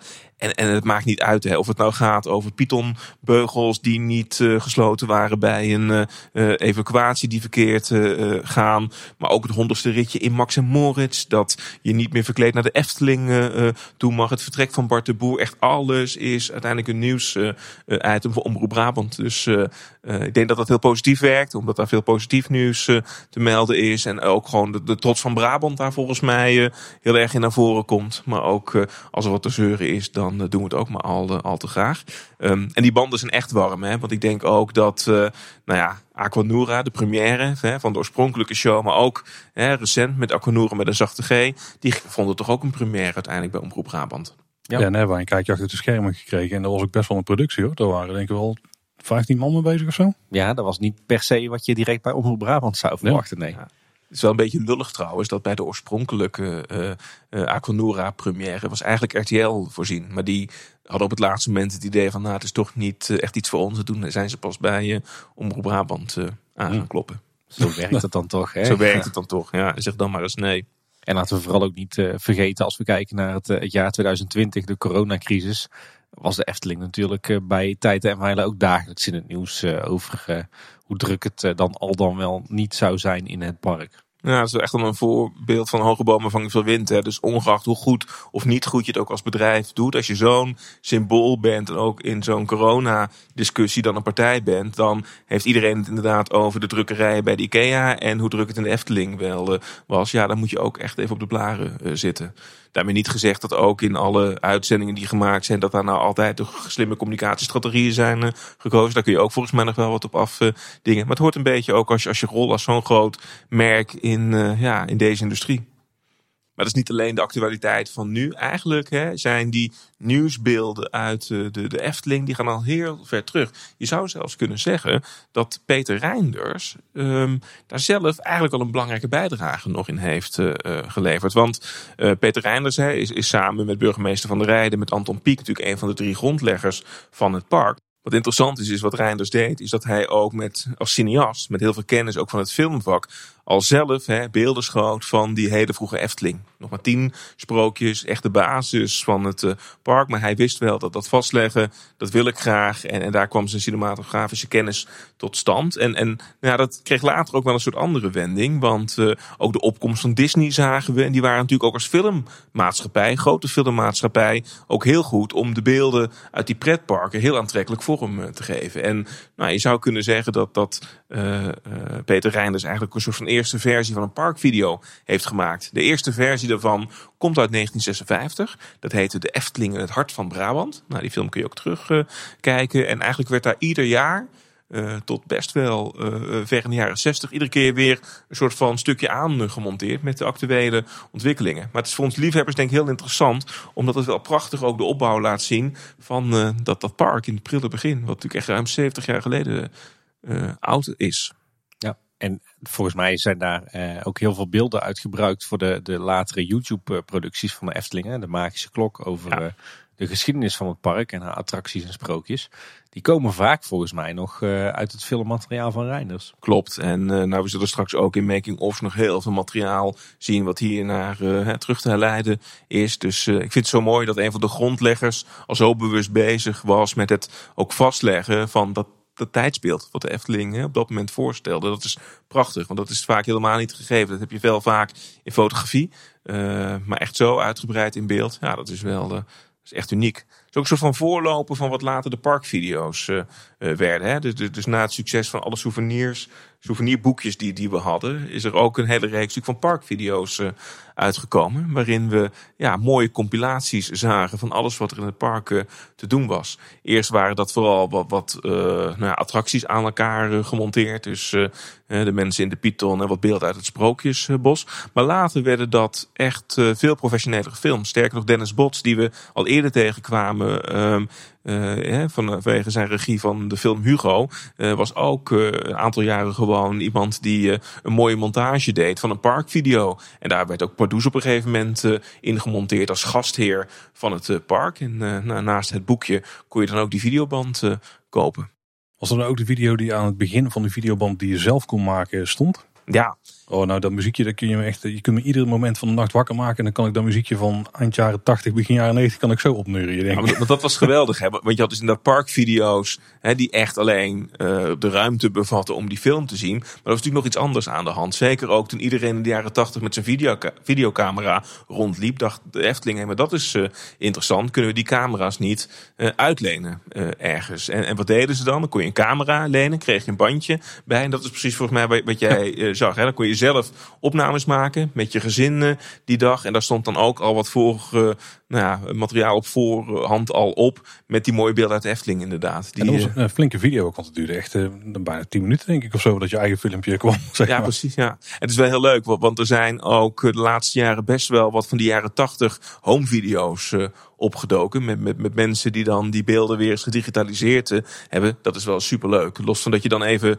door al die gezinsleden die wij niet kennen heen moet uh, ja. kijken. Maar als je een beetje achter al die uh, fluoriserende jasjes kijkt, dan tref je daar best nog wel wat interessante attractiebeelden ook aan. Ja, iedereen stond daar met hele grote camera's te filmen. Je ja. beschrijft onze video's van de Efteling van die tijd. die kun je ook op onze Instagram pagina paar zien trouwens. Ja, je ziet dat dat de, laatste jaren inderdaad echt een vlucht heeft genomen. Hè. Inderdaad heel veel Efteling-liefhebbers die oud filmmateriaal uh, online gooien op YouTube, op social media. Ja, wij maken onszelf er ook geregeld schuldig aan. Want uh, als er uh, interessante beelden tussen zitten, dan delen we dat natuurlijk meteen in de podcast. Maar ook die parkvideo's is best wel een interessante traditie. Want volgens mij begin jaren negentig was ook een beetje de opkomst van de videoband. Uh, toen begonnen ze daarmee. En volgens mij uh, werd om de, nou pak mee, twee, drie jaar werd de parkband flink vernieuwd. En ze zijn er nog mee doorgegaan in het DVD-tijdperk. En volgens mij pas mee opgehouden toen YouTube groot werd. Klopt, toen, toen zijn ze inderdaad gestopt. Dus er is gewoon een hele reeks aan, nou ja, om de paar jaar een, een, een beeld van dat Eftelingpark op, op dat moment. Ja, zeker. Ze staan veel online. Het is echt wel leuk om een aantal van van terug te kijken. Ja, ja ik heb nog een heel stapeltje van dat soort videobanden thuis liggen. Ik weet alleen begot niet hoe dat ik ze, wat ik er nog mee kan. Want ja, ik heb natuurlijk geen videorecorder meer om, uh, om ze op af te spelen. Daar niet? Nee. Vallen we al terug tegen, Tim. ja, nee. dat kun je er weinig mee, vrees ik. Ja. Voor de heb, zullen we maar zeggen. Efteling brengt ook soms zelf nieuws uh, uh, naar buiten. Maar het is ook wel eens fake nieuws. Ik bedoel, het klinkt bijna als een Amerikaanse president uh, verkiezen. Maar het is ook natuurlijk een soort traditie van de 1 april grap. Hè? Die, die is vaak helemaal niet gerelateerd aan, aan media. Ik kan me nog herinneren dat bij de opening van Vogelrok... dat we ergens een opgaving hadden van een vogel. Hè, die we trouwens nog steeds zien volgens mij in het, in het tuintje voor de ingang van de attractie. Hadden ook het nieuws. Hè? Dat is ook wel grappig. is ook zo slim om een 1 april grap dan uit te halen. En daarmee toch het landelijke nieuws weer te halen s'avonds. Maar laatste uh, brachten ze ook zo'n fake news video uit met hun samenwerking met Maxi Cosi. En dat uh, met de hele renovatie van de Python, dat die ook geschikt was nu om met uh, je baby te rijden. Nou. Ja, die Maxi Cosi die kun je nog steeds vinden in het kantoor van Ravelijn op de begane grond.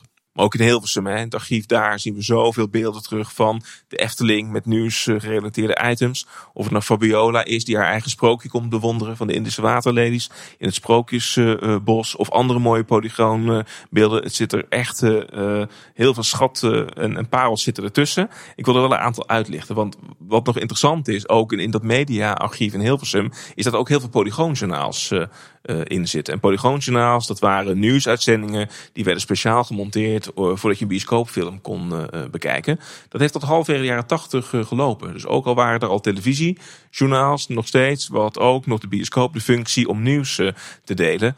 En daar hebben we ook nog een aantal prachtige klassieke Efteling uh, nieuwsitems uh, in zitten. Vooral van begin jaren tachtig. Maar de opening van de Python en de opening van de Gondoletta en de Halve Maan. Ja, dat, dat, dat heeft zo'n prachtige uh, reeks aan polygoonjournaals uh, opgenomen. Met zo'n herkenbare stem. Hè? Dus met iemand die zo lekker nasaal daar commentaar op uh, geeft. Het was heden ten dagen weer in de Efteling. Waarop de nieuwe attractie werd geopend. Hè? Dat, dat niveau. Maar die zijn echt het terugkijken meer dan, dan waard. En ook vooral bij die Python. Daarin realiseer je wel weer. als je dat ook terugziet. Hoe sensatie het was. Dat zo'n grote achtbaan in één keer in dat sprookjespark neer, uh, neerdaalde. Er waren natuurlijk wel wat achtbanen in, in de regio, maar van deze omvang, hè, uh, dat was zo'n primeur. Nou, dat, dat, dat zie je ook in dat Polygoonjournaal zo mooi terug. Maar die zijn opgenomen op film dan, denk ik nog, als we voor de bioscoop waren. Ja, die zijn opgenomen op, op, op film. Daarmee hebben ze ook weer die betere kwaliteit, wat we ja. ook eerder uh, zagen. En dat is ook heel erg leuk om terug te zien. Super scherp ook, om, om die eerste beelden uit, uit die Python dan te zien. En wat me altijd opvalt is ook gewoon hoe die natuur eh, die, die dan in de Efteling ziet, hoe die dan nog niet aangegroeid is. Hè. Dus ook zo'n kaal Ruigrijkplein, wat op dat moment natuurlijk helemaal nog niet zo uh, heette. Maar ook de gondoletta die net uh, aangeplant uh, was en nog volledig kaal is. Hè. De, de, de siervijver leeg qua beplanting. Dat is ook wel heel grappig om te zien hoe nou, de natuur dan toch zijn werk doet in al, al die jaren. Wel even een waarschuwing. Als je Polygoonjournaal beelden gaat kijken, uh, pas op, want je verliest je er zelf echt volledig in. Niet alleen uh, uh, beelden van de Efteling, maar als je er eenmaal aan begint, dan, tenminste is mijn ervaring, dat je blijft kijken. En ja, ik heb geloof ik ooit eens een halve dag verspeeld aan het kijken van Polygoonjournaals over de winterse omstandigheden in Nederland, om Maas en Dwarsstraat te noemen. Echt, als je een beetje houdt van geschiedenis en nostalgie, dan verlies je jezelf er volledig in. Echt smullen. Ja, je kunt het alleen al met de Efteling al doen. Dus ook als je echt bij beeld en geluid kun je ook veel meer eh, materiaal bekijken dat je online kunt zien. En als je daar op Efteling gaat zoeken en je zou daar ter plekke alles willen kijken wat erin zit, dan ben je jezelf verloren echt uh, voor, voor die dag. Ja, heerlijk. Ja, wat trouwens wel mooi is, wat er ook in de archieven te zien is, maar dat hebben we later in andere montages ook uh, gezien, is bijvoorbeeld ook een interview met Anton Pieck in de jaren 60, waarin hem ook wordt gevraagd van, goh, hoe kijkt u nu naar die ontwikkeling van uh, de Efteling? En daar zitten prachtige legendarische quotes ook in, hè, dat hij zegt van ja, dat die moderne speeltuinen toch allemaal zo van beton zijn en dat die sfeer uh, missen. Het, het, zijn uitspraken die daarna zo vaak herhaald zijn en in heel veel andere media gebruikt zijn, maar die oorspronkelijke interviews, als je die integraal terugkijkt, ook in die archieven, dat is superleuk om, uh, om te zien. Als we het dan toch over oude beelden hebben en Efteling, dan moet ik meteen ook denken aan een uitzending van het illustre programma Voor de Vuist Weg. De talkshow uit de jaren 70 van de grote Willem Duis. Je had uh, Mies, Bouwman, Mies Bouwman en Willem Duis in die tijd. En Voor de Vuist Weg was inderdaad een heel goed bekeken talkshow. Dat kun je niet meer voorstellen. Maar je moet je, in, in die tijd had je dus twee netten en dat betekent dat alles wat uitgezonden werd, dat, dat, dat zag bijna iedereen. Dat echt miljoenen, miljoenen kijkers zaten aan de buis uh, gekluisterd. Ja, en dan komen we ook in 1978 uh, eh, op een heel bijzonder moment. Dat is de opening van de eerste echt grote attractie uh, in de Efteling. Met Tom van der Ven als ontwerper. Het Spookslot. Ja, en uh, wat wil gebeuren? Dat uh, Tom van der Ven uitgebreid zendtijd krijgt in die talkshow van Willem Duis. Maar wel op een heel bijzondere manier. Want hij wordt niet aangekondigd als, als Tom van der Ven. hij is eerst niet zichtbaar. Wij horen een soort stem van een geest. Uh, het is bijna of Maurice de Zeeuw trouwens dat dan doet als uh, de, de, de, de wijle van de fan. Zo, zo klinkt het uh, bijna. Maar uiteindelijk zien we dan Tom van de Ven in beeld komen. En mag hij uitgebreid vertellen. Willem Duis stelt niet eens heel veel vragen. Maar vertelt hij uitgebreid over de totstandkoming van zijn bijzondere attractie, het Spookslot. Ja, en ook daarin is het eigenlijk een hele lange commercial volgens mij. Om vooral die, die nieuwe aanwinsten in Kaatsheuvel te gaan uh, bekijken. Maar uh, het is wel ontzettend leuk om die jonge Tom van de Ven over een van zijn eerste creaties in het park zo uitgebreid te zien vertellen. Ja, het was volgens mij ook best een behoorlijk chaotische uitzending waarin van alles misging. En er werd volgens mij ook gewerkt met Peppers Ghost effecten. En uh, Willem Duis was volgens mij op een gegeven moment de weg een beetje kwijt. Was het de laatste van het seizoen begrepen. Dus blijkbaar was het een beetje op. Maar ik geloof niet dat dat nou voor de Efteling slecht uh, uitpakte. Ja. Dat spookslot werd later sowieso nog wel een paar keer een decor. Hè. Ik geloof uh, de, de, Kate Bush, hè, beroemde zangeres, uh, die nam ook haar special, uh, muziekspecial op in het decor van het spookslot. En daar hebben we nog steeds volgens mij grafsteen aan, aan ja, te danken. Zeker. Ja, dus dat was ook uh, wel, wel bijzonder. Als we het dan toch over Tom van der Ven hebben. In de archieven kwam ik ook nog een bijzonder interview tegen uit uh, de rijke historie van de tv-show. Met Ivonie, met ook een prachtig wat langer interview met, met Van der Ven. Viel me op dat meestal Ivo dan bij de mensen thuis kwam. Tom van der Ven werd wel opgezocht in het park. En, ja, uiteraard. het was in de jaren negentig, dus het volk van Laaf was ook net geopend. Dus het was vooral ook een soort van hommage aan, aan zijn laven. Dus kijk die vooral ook even terug.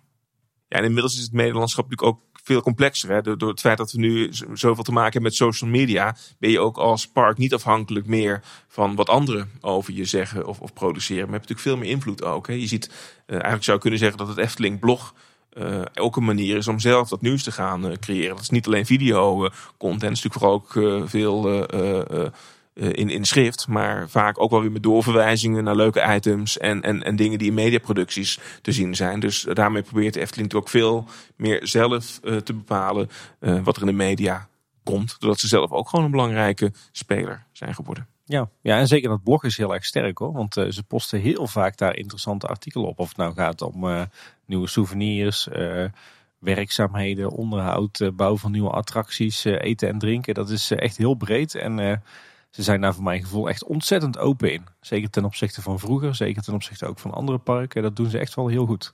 Ja, en, de echt belangrijke dingen, daar gaat vaak ook meteen een persberichtje dan uh, over uit. En dan weet je ook dat je daarmee, uh, nou ja, ergens wel weer opgepikt wordt, zoals het dan uh, heet. En weer te zien bent in, in een of andere nieuwsuitzending. Ja. En wat je dus ook ziet, is dat ze bijvoorbeeld bij zo'n bestemmingsplanprocedure, er wordt uiteindelijk wel een videootje voor geproduceerd om die dan ook op het blog te tonen. Dus zelfs voor dat, soort dingen maken ze dan dus audiovisuele media. Ja, en ik denk dat het aantal doelen dienen. Want ik heb het idee dat dan ook beelden, ook gewoon voor de mensen die het direct betreft. Hè, dus denk ook gewoon buurbewoners, dat die toch wat meer uh, beeld, letterlijk beeld hebben bij hoe dingen eruit komen te zien. En dat daarmee de boodschap beter overkomt. Maar eerlijk gezegd werkt het ook gewoon vaak zo dat als jij al content aan kunt bieden in de vorm van wat beelden, dat het voor een, uh, een tv-maker TV aantrekkelijker is om daar wat uit te lichten en in te zetten in je uitzending. Dus ook daarmee heb je dan de kans dat je eerder wordt wordt opgepikt. Ja. Ja, en je hebt iets op YouTube staan, dan kan het daar weer zo'n sneeuwbaleffect krijgen. ja, dat het viral gaat. En je kiest ook heel erg ook je eigen frame. Dus als jij een goed geproduceerd filmpje hebt, is het ook heel erg jouw boodschap en hoe jij die boodschap over wilt eh, brengen. In plaats van dat iemand anders dat gaat monteren en uh, daar moeite voor gaat doen. Dat wordt uiteindelijk hè, soms nog steeds gedaan om mensen zeker dat het een journalistiek product uh, is. Maar je hebt helemaal gelijk. Het geeft veel meer ruimte om zelf de toon te zetten, om viral te gaan, om met je eigen boodschap de hort op te gaan. Dat doen ze steeds vaker. Ja. ja, en als je dan naar het Efteling YouTube kanaal uh, kijkt, dan uh, zitten daar uh, hoogtepunten tussen, maar ook wel eens dieptepunten. Uiteraard, dat heb je overal bij Tim. Dat is waar.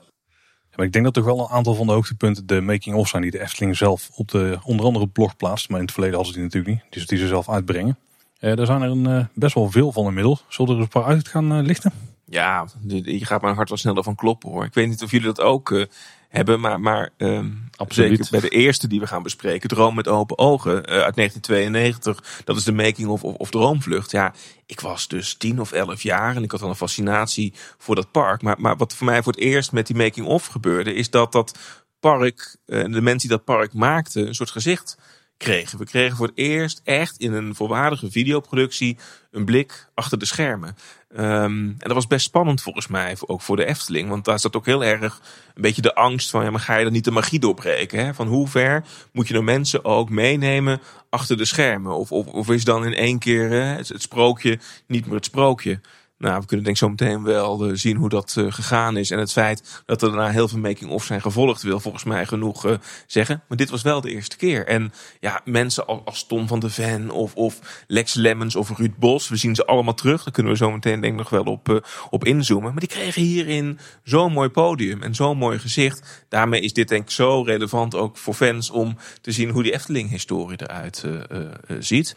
Um, misschien mensen even meenemen in wat dromen met open ogen dan precies uh, was. Het is een documentaire van een half uur die de hele totstandkoming van de attractie Droomvlucht uh, volgt. Uh, bedoeld hè, in het jubileumjaar uh, 40 jaar Efteling. Om daarmee groots uh, uit te pakken met die grote familieattractie. En er zitten eigenlijk een aantal onderdelen in. Voor mij is het eerst Tom van de Ven die de kijker helemaal meeneemt in het ontwerpproces. We zien hem ook op zijn werkkamer echt in een, nou ja, in een zee van schetsen. Maar ik moet droedels volgens mij ja, ja. dan, Heel goed. dan zeggen. Maar wat, wat, zo, wat ik daar heel erg leuk aan, aan vind is... Kijk, Tom van de Ven die praat ook niet, maar die verhaalt bijna. Hè? Dus ook in zijn stemgeluid en, en hoe hij erover vertelt, dan is het net of hij een sprookje vertelt. Dus het gaat dan ook niet over de attractie, maar je wordt gelijk ook in die documentaire meegenomen in uh, zijn kindje bijna. Hè? En hoe die, die droomwereld die vormgegeven wordt. Dat is zo, uh, uh, daarmee raak je meteen ook, ook in die documentaire. En, en het bijzondere is, want daarna gaan we naar Lex Lemmens, die vooral een verhaal heeft over hoe dat technisch allemaal moet.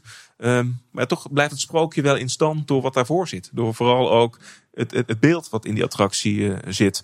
Ja, en, en Lex Lemmens vertelt over transportsystemen en karretjes die moeten gaan zweven. En over de mistsystemen die op dat moment wel altijd uh, werken en heel veel mist uh, produceren. Um, ja, prachtig om, om, om te zien hoe die concepten die Van de Ven maakte, hoe die werden omgezet in daadwerkelijk werkelijkheid door, door Lex Lemmens. Dat zit prachtig in die, in die documentaire.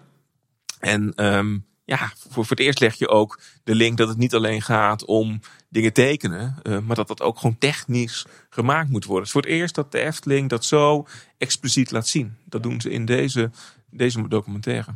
Ja, en ook heel veel beelden van echt het maakproces. Hè? Dus het, het maken van de animatronics, het afmalen van maskers, het maken van boomschors, het, het decoreren van, van de hemelburgten. Het zit er allemaal in, hè?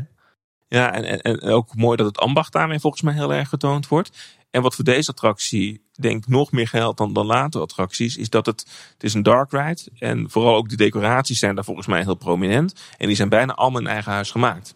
Dus je ziet ook alle ambachtsmensen. We zien ook heel veel jonge mensen die later nog heel groot werden in de Eftelingen. Dus we zien een hele jonge Karel Willemen, daarna ontwerper van de Vliegende Hollander. Joris en de Draak, die zien we gewoon lekker in de weer om een uh, troll te maken hè, voor, voor in de attractie. Dus je ziet ook al heel veel Eftelingers die daar heel lang werken, zie je ook in de jonge jaren al terug. En, en hoe ze begonnen zijn. Ja, dat maakt ja, ook, ook aandacht voor de kleding, voor de beharing, dat soort details. Ja, voor mij is Dromen met open ogen echt de classic making of. Uh, en ik denk ook dat ze dat eigenlijk nooit meer hebben overtroffen. Want deze making-of is, is, is ja, zo gedetailleerd, maar ook zo eerlijk. Hè? Want er is ook heel veel tijd en aandacht voor die technische problemen die, uh, die de opening uitstelde met een jaar. Uh, dat wordt best wel dramatisch in beeld gebracht. Ja, we zien een wanhopige Lex Lemmens zelf, die nou, bijna met het handen in zijn haar voor die karretje staat en denkt van ja, eh, die gaan niet vliegen. Die komen niet uiteindelijk eenmaal in de top van het zompenwoud om weer naar beneden te gaan. En het is heel open en eerlijk wat je zegt. Dus het gaat ook echt over van wij kunnen dit jaar niet open. We moeten het uitstellen. Dat heeft grote gevolgen. Dat, dat is een open en eerlijke kijk ook in, in dat maakproces. En nou, de meest dramatische scène is dan vervolgens een directievergadering. Waarin directeur Paul Beck op dat moment moet besluiten om, hem, hè, om die attractie een jaar later pas open te laten gaan. Dat is een mythische scène, omdat dat ook bevestigd en ontkend wordt. Dat dat nou echt zo ging op dat moment. Of dat dat later in scène gezet uh, is. Dat blijft uh, soort schimmig volgens mij. Omdat iedereen daar een andere lezing uh, over heeft. Maar dat, dat laat het wel zien. Dat maakt het ook best wel kwetsbaar. En dat, dat nou, straks komen we denk ik nog op de Vliegende Hollander. Daar herhaalt zich het, het, bijna weer. Maar het is wel een hele open en eerlijke inkijk. En later is er ook wel in interviews met, met de marketingmensen uit die tijd van gezegd. Dat het best een risico was. Van hoe wil je dan ook naar buiten treden. Met het feit dat je met zo'n jubileumattractie niet open kunt eh, gaan. Het heeft voor de Efteling perfect uitgepakt. Want als je ook ziet wat er vervolgens in media verscheen, was dat het zo dramatisch was dat het grote sprookje van de Efteling niet werkelijkheid kon worden. Dus zat heel veel, er zat ook niet iets in van, goh Lex, had je nou niet hè, daar beter over na kunnen denken op voorhand of dat wel goed zou komen met die partij. Het werd veel meer uh, uitgelegd als wat, wat is het jammer en wat is het triest dat de Efteling dat gebeurt en dat het publiek zometeen niet die attractie kan uh, bewonderen. Dat is heel slim gedaan. En dat kreeg zijn ultieme vorm volgens mij, doordat die documentaire ook een jaar lang uh, bij die ongeopende attractie gewoon getoond is in de meandering. Hè. De voormalige meandering, wat nu hè, de, evenementenlocatie uh, is, uh, werd gewoon getoond deze documentaire over dat maakproces. Over die problemen die onderweg tegen waren gekomen. Misschien is het ook juist wat de reden dat ze hem op die manier en zo, ja, zo breekbaar hebben gemaakt, zeg maar. Want daardoor kweek je wel die die compassie voor het park. Van ja, dit, is inderdaad heel vervelend wat er is gebeurd en ze kunnen er niet zo heel veel aan doen. Ja. Oké, okay, een beetje doordenken misschien wel. Maar... maar dat bleef volgens mij wel hangen bij de mensen. Het is helemaal waar wat je... Ja. Nee, ik, ik kan me inderdaad nog goed herinneren dat je dat uh, in 1992, dat je wel degelijk uh, het Droomvluchtgebouw binnen kon. Dat volgens mij de Gulden Gade ook al open was uh, voor wat eten en drinken. En dat je inderdaad plaats kon nemen in, in de zaal op een stoeltje. En dat, dat die docu inderdaad continu werd vertoond. Ik heb daar uh, samen met mijn opa vaak zat gezeten als uh, zesjarig jongetje. Ja. Ik was toch gewoon met open ogen de attractie op dat moment. Ja, ja. ja, absoluut. En ik denk dat ook dat, dat iedereen die dat jaar een bezoek bracht aan de Efteling ook wel dacht. Hier moeten we een jaar later nog terug. Want we willen ook Zeker, gewoon weten wat het geworden is. Dus in die zin was het ook nog een soort van marketing in het park. Door wel het gebouw open te hebben. Dit te laten zien. Volgens mij werd de hunkering om uiteindelijk dan het eindresultaat te zien alleen maar groter derde hoofdrolspeler hè, uh, is natuurlijk Ruud, Ruud, Bos. Die ook hier een uh, gezicht kreeg. En ook als componist voor het eerst ging vertellen over hoe heb ik nu hè, die muziek voor die attractie ook uh, gemaakt. Ja, ook, ook, prachtig. Je ziet hem echt daadwerkelijk hè, componeren. Om, om die eerste klanken ook uh, op het moment dat je de eerste scènes van die attracties in, uh, in vliegt, uh, om, om, om die te laten horen. Dat is echt ook daar weer een inkijkje echt in het maakproces. Dus zowel hè, op het esthetische vlak als op het technische vlak, op de muziek. Ja, alles komt daar zo mooi in eh, aan bod. En dat in 25 minuten tijd. Uh, gemaakt door een externe producent. Dus uiteindelijk heeft een onafhankelijke producent dat gemaakt. Het is uitgezonden door de Tros. De Efteling heeft het dus een, een heel jaar lang in het park laten zien. Ja, en de videoband van uh, deze heb ik gruis uh, gedraaid. Dus ja. ik echt jaren en jaren en jaren te koop geweest in het park. Overigens niet te verwarren met Dromen met je ogen open. Wat dan weer een, een entertainment show was in de wachtrij van Droomvlucht. Weet je wie dat zong? Do. Do, hè? Ja. Ja, onder andere. Maar de, volgens mij waren er meerdere dames die dat vertoonden. En die hebben allemaal nog, uh, of ze zijn beroemd geworden, of ze hebben een link met, uh, met de Efteling, uh, inderdaad. Ja, droomvlucht is wel goed voor je carrière. Dat, ja, dat, blijkt wel. Ja. blijkt maar weer. Ja. Dan moet Oberon toch eens wel gaan ondernemen, denk ik. een soort uitzendbureau voor zangeres. Nee, ik weet het niet. Ja. Hey, zullen we van een attractie hoogtepunt naar een attractie twijfelachtig punt gaan. Waar heb je het over, Paul? ik heb het over de Making of Panda Droom. Het mooiste sprookje van de wereld. Dat je dat met uh, droge ogen uit kan uh, spreken, Paul. Nou, dat komt omdat de kachel uh, zo hoog Vind jij dat zelf, Paul, of is dat de titel van de documentaire? Dat is gelukkig de titel van de documentaire, ja. Ja, dat is een beetje misleiding, zou ik eigenlijk wel uh, willen zeggen. Ik heb deze volgens mij wel eens ooit een keer gezien, maar dat was denk ik me net zoveel aandacht als dat ik de film voor de tweede keer keek in de zaal daar. Dus kan me niet heel veel van, uh, van herinneren. Ja, het mooiste, het mooiste sprookje van de wereld, zegt de titel. Maar dat valt in de praktijk uh, uh, misschien wel tegen. Ik vind wel, het is wel interessant dat je in die documentaire over Pandadroom, die attractie die we toch 18 jaar in het park hebben gehad, dat je in de documentaire al ook zag welke keuzes er gemaakt moeten worden. Dat dat vooral ook erg veel concessies waren. Dus aan de ene kant het Wereld Natuurfonds, die met een mooi idee hè, van laten we nou een attractie in de Efteling hebben, waarin we ook die aandacht hebben voor milieu, natuur, dat, dat we dat centraal kunnen stellen. En aan de andere kant de Efteling, die graag een jubileumattractie wilde en dat best interessant vond om dat met een partner te doen. Um, maar de dilemma's die daaruit voortkomen, die zie je ook heel erg in die documentaire uh, terug. Want het gaat ook heel erg over van uh, hoe houden we nou ook het materiaal wat we gebruiken, wat we in de attractie laten zien. Hoe is dat nou zo natuurgetrouw mogelijk? Dat was heel erg het perspectief van het Wereld Natuurfonds. En de Efteling dacht ondertussen van ja, maar wij willen vooral natuurlijk ook hè, sprookjesverhalen uh, vertellen. Dus als we de leeuw in de dierenwereld net iets mooier kunnen laten zien met mooiere manen, dan is dat mooier hè, voor de bezoeker. Terwijl het Wereld Natuurfonds dacht van ja, maar zo ziet dat er niet uit in de natuur. Dus daar uh, alleen al vanuit die discussies zie je hoeveel concessies er al zijn gemaakt bij het realiseren van de attractie. En ik denk dat dat de attractie uiteindelijk ook niet heel erg ten goede is uh, gekomen. Um, opmerkelijk is wel, hè, want um, ook in 2002, dat is natuurlijk ook het afscheid van Tom van de Ven in dat jaar. Hij was bezig met het theater en voor Pandadroom was natuurlijk een nieuw ontwerpteam bezig met die attractie. Marike van Doorn was hoofdontwerper op die attractie. Maar we zien haar wel in een aantal shots, maar ze komt niet aan het woord in die attractie. Eigenlijk zijn er eigenlijk geen beelden, ook in alles wat ik teruggezien heb, waarin Marike van Doorn, zeg maar in de Efteling-context, ook iets vertelt over het werk wat zij voor de Efteling heeft uh, gemaakt. Dat is ook echt wel een, een schakel. Zeg maar, het ontwerp wordt niet toegelicht in die, in die making-of. En we gaan ook meteen vooral ook door naar de technische mogelijkheden. Dus, dus wie zien we wel?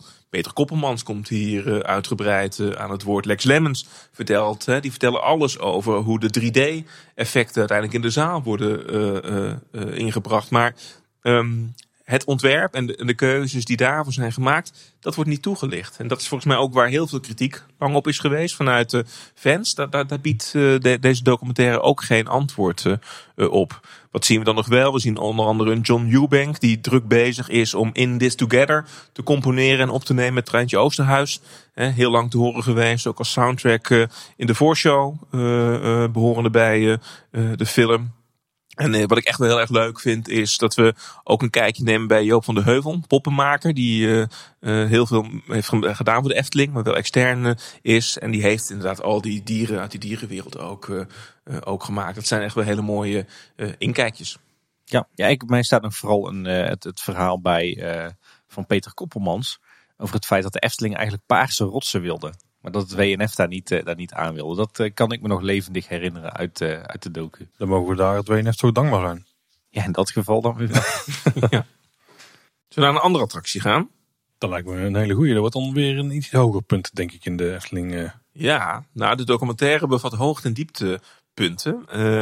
dit is de making of van de Vliegende Hollander. Met als ondertitel Hoe een zager tot leven kwam. Uit 2006. Wat wel bijzonder is, we stipten dat al eerder aan, is dat, dat dit een, aan de ene kant inderdaad een making-of uh, is. En aan de andere kant was dit ook een soort van fictieproductie. Want wat men ook probeerde te doen, is niet alleen het maakproces van de Vliegende Hollander te laten zien, maar ook het verhaal vertellen. Dus ook die storyline uit de attractie, die werd uh, gefilmd uh, in het decor inderdaad van de net gebouwde attractie. En, en uiteindelijk zijn het ook de, de filmbeelden die de documentaire beelden uiteindelijk af gaan wisselen ja, wat zien we? We zien vooral Karel Willem in het begin die een toelichting geeft op nou, die, die bijzondere elementen van de attractie. We krijgen voor het eerst maken we kennis met het feit dat het een uh, walkthrough is en een dark ride is en een achtbaan. Dat was toch ook heel erg het frame wat uh, werd opgezet in de documentaire.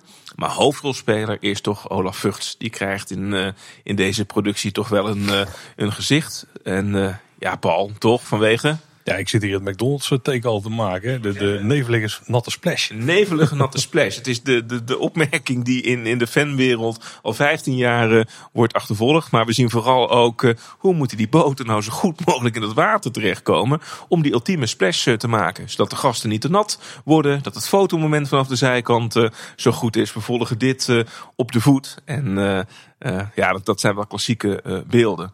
Um, ik, ik, gebruik de term nevelig nat nog tot op de dag van vandaag uh, op redelijk frequente basis. Dus uh, wat dat betreft is uh, die uitspraak van Olaf echt een klassieker geworden. Het is echt een klassieker. Ik baal er nu van dat we hem niet hebben gebruikt bij ons interview over Ak van Noeren met de zachte G. Dat was wel het perfecte moment om hem erin te fietsen. Ja, inderdaad. Oh, Slecht gemiste kans. Gemiste oh. kans, ja. Um, die kwetsbaarheid die we bij Droomvlucht al zagen, zie ik ook in dit bouwproces uh, terug. Hè. Dus wat vooral interessant is, is dat ook, zeker ook op het moment dat, dat uh, Peter Koppelmans, maar ook Jacco Ophorst uh, bij de achtbaanbouwers staan, comeback coasters, is dat ze daar eigenlijk al voor de deur klagend staan te vertellen dat het en uitloopt en dat het niet past en dat het niet voldoet aan de verwachtingen. Dus we worden ook daar weer helemaal meegenomen in de problemen die langzaam maar zeker bij die bouw gaan ontstaan. Dat zien we heel sterk terug in de documentaire. Ja, en ontdekte hè, bij het terugkijken, Henkus. Ons Henk. Zit Henk erin? Ja. Henk Schellekes met, met nog meer haar en uh, iets minder kilo's. Maar uh, toen uh, bouwde hij al flink mee. Goed bezig ons Henk. Dat is goed hè? ja, echt wel. Um, en ook wel even goed voor de geschiedschrijving is, jullie hebben natuurlijk vorig jaar een uitgebreid interview gedaan met Ronald van der Zijl. En dan heb je ook de mythe proberen te ontkrachten van in hoeveel jaar moest er nou wel of niet een nieuwe attractie geopend uh, werden. Het was zeven jaar of, of, of hè, dat is daarna ontkracht. In, in de persbijeenkomst, die ook gefilmd is voor deze documentaire, uh, zou het beleid zijn om iedere vier of vijf jaar een grote nieuwe attractie te openen. Nou ja, hè? dat zitten we ergens tussenin dan. Tussen die, die zeven jaar die was... gezegd zou hebben en die drie jaar die die recent ja. bij ons zei. Misschien moeten we het hier gewoon hè, ophouden dat dit het dan ongeveer uh, is. Ja. Ehm, weet jij dat? Want jij bent natuurlijk betrokken geweest bij eh, de bouw, Tim. Weet jij nog iets van hoe dat met die documentaire ja, ja, zeker. Dat, dat, was eigenlijk al vrij snel duidelijk dat er, eh, dat er een making-of gemaakt zou gaan worden. En uh, er waren eigenlijk een aantal dagen in dat, uh, dat bouwproces uh, dat er een, een filmcrew rondliep. Dat was eigenlijk van tevoren al ingepland. Dus er waren gewoon een aantal vaste momenten. Ik geloof iedere maand een keer. En dat was dan de dag of de halve dag dat de filmcrew rondliep. En dan pikten ze iedere keer ja, een aantal interessante punten mee. En uh, ja, dat was, het was deels spontaan, ook wel deels gescript. Ik weet dat ze uh, één of meerdere vergaderingen van ons hebben bijgewoond. Dan zie je overigens ook nog een, uh, een hele jonge Tim zitten. Hoi.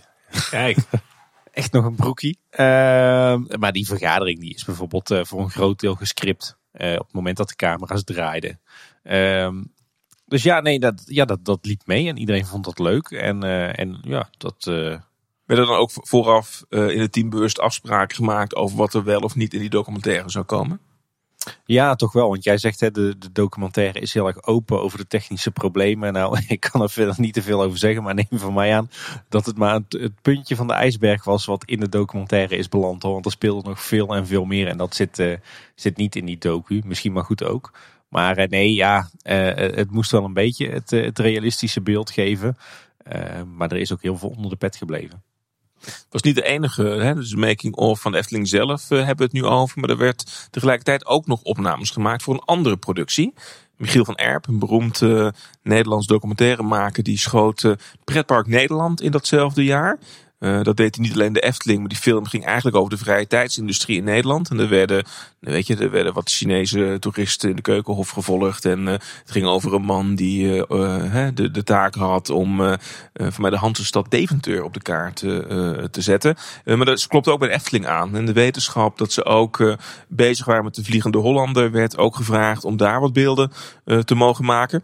En het grappige is dat, dat we ook daar Olaf Vugts weer in, in tegenkomen andere beelden van die splash trouwens. Dus in die zin zit de, de, de splash in ontwikkeling zowel in Pretpark Nederland als in de, de making-of van de Efteling uh, zelf. Inclusief die sluikreclame voor McDonald's of niet? Inclusief die sluikreclame voor McDonald's. En wat, wat wel een, een, een heel tekenend beeld ook is, uh, is een interview met Michiel van Erp in, de, bij de lift van de Vliegende Hollander. Met toch een verslagen Olaf Vugts die het op dat moment even niet ziet zitten. maar wel van plan is om zich weer te gaan herpakken.